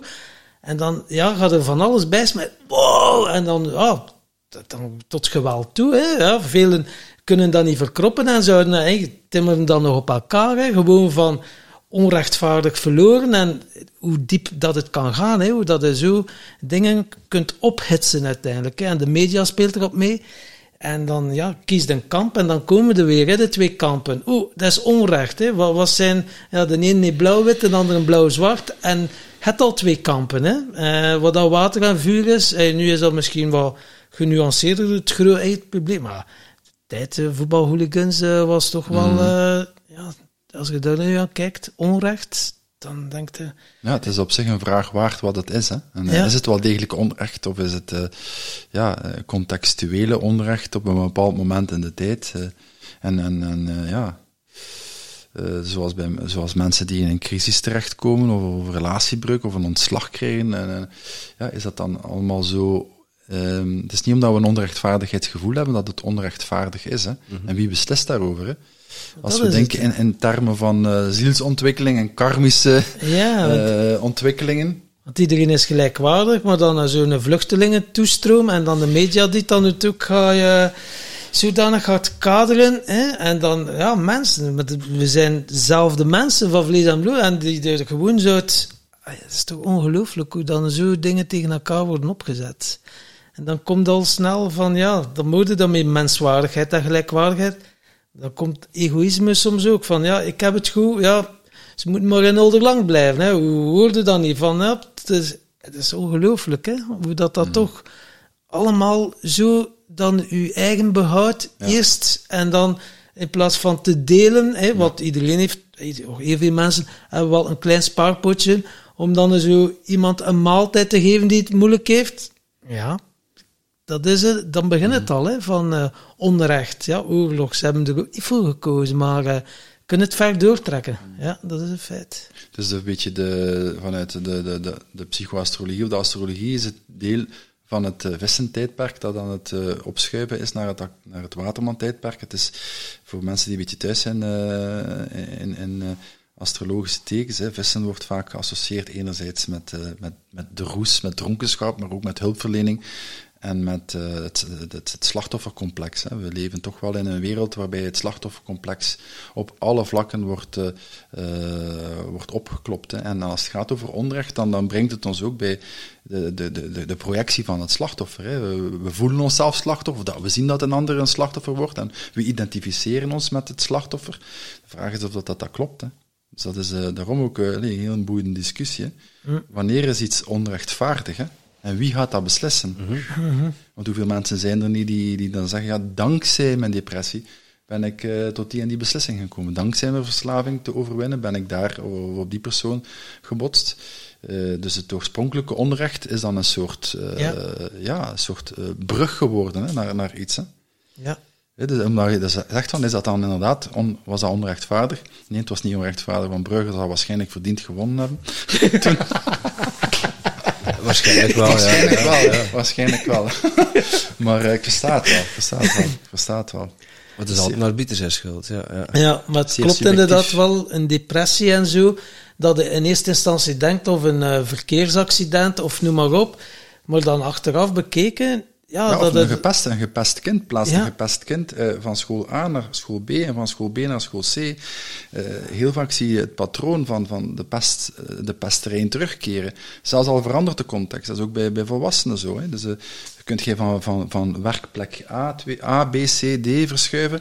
Als, als je niet bewust bent van bepaalde patronen die iets, iets in beweging brengen, dan ga je het iedere keer blijven projecteren op, op uh, de daders buiten u. Hè. Dat is het probleem. Als je je eigen daderschap uh, ontziet en het daderschap buiten jezelf legt en jezelf hult of wentelt in het slachtofferschap, ja, dan blijf je die dynamiek creëren. Hè? En elke dan keer diezelfde hè. situatie. Ja, elke keer diezelfde situatie zie je. En Ja. ja. maar je creëert het uiteindelijk weer zelf. Omdat je altijd dezelfde dingen blijft doen. En mensen reageren dan ook op diezelfde manier op jou. Ja, maar niet wil zeggen dat het kind in dit geval dan Ja. eh, hoofdaansprakelijk is. Het zijn de ouders die wel moeten eh, het kind eh, zelfredzamer maken en dus ook zelf zelfredzamer worden.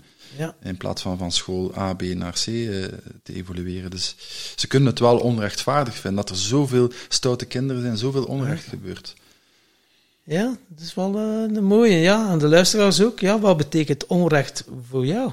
Het is eh, wel een mooie om even bij stil te staan. Want, ja. En eh, jij maar mag een lang, keer... want wij moeten door. Ja, want jij mag een keer stilstaan, eh, Steve. Ik mag om, een keer stilstaan. Een, een vraag te bedenken voor onze volgende gast.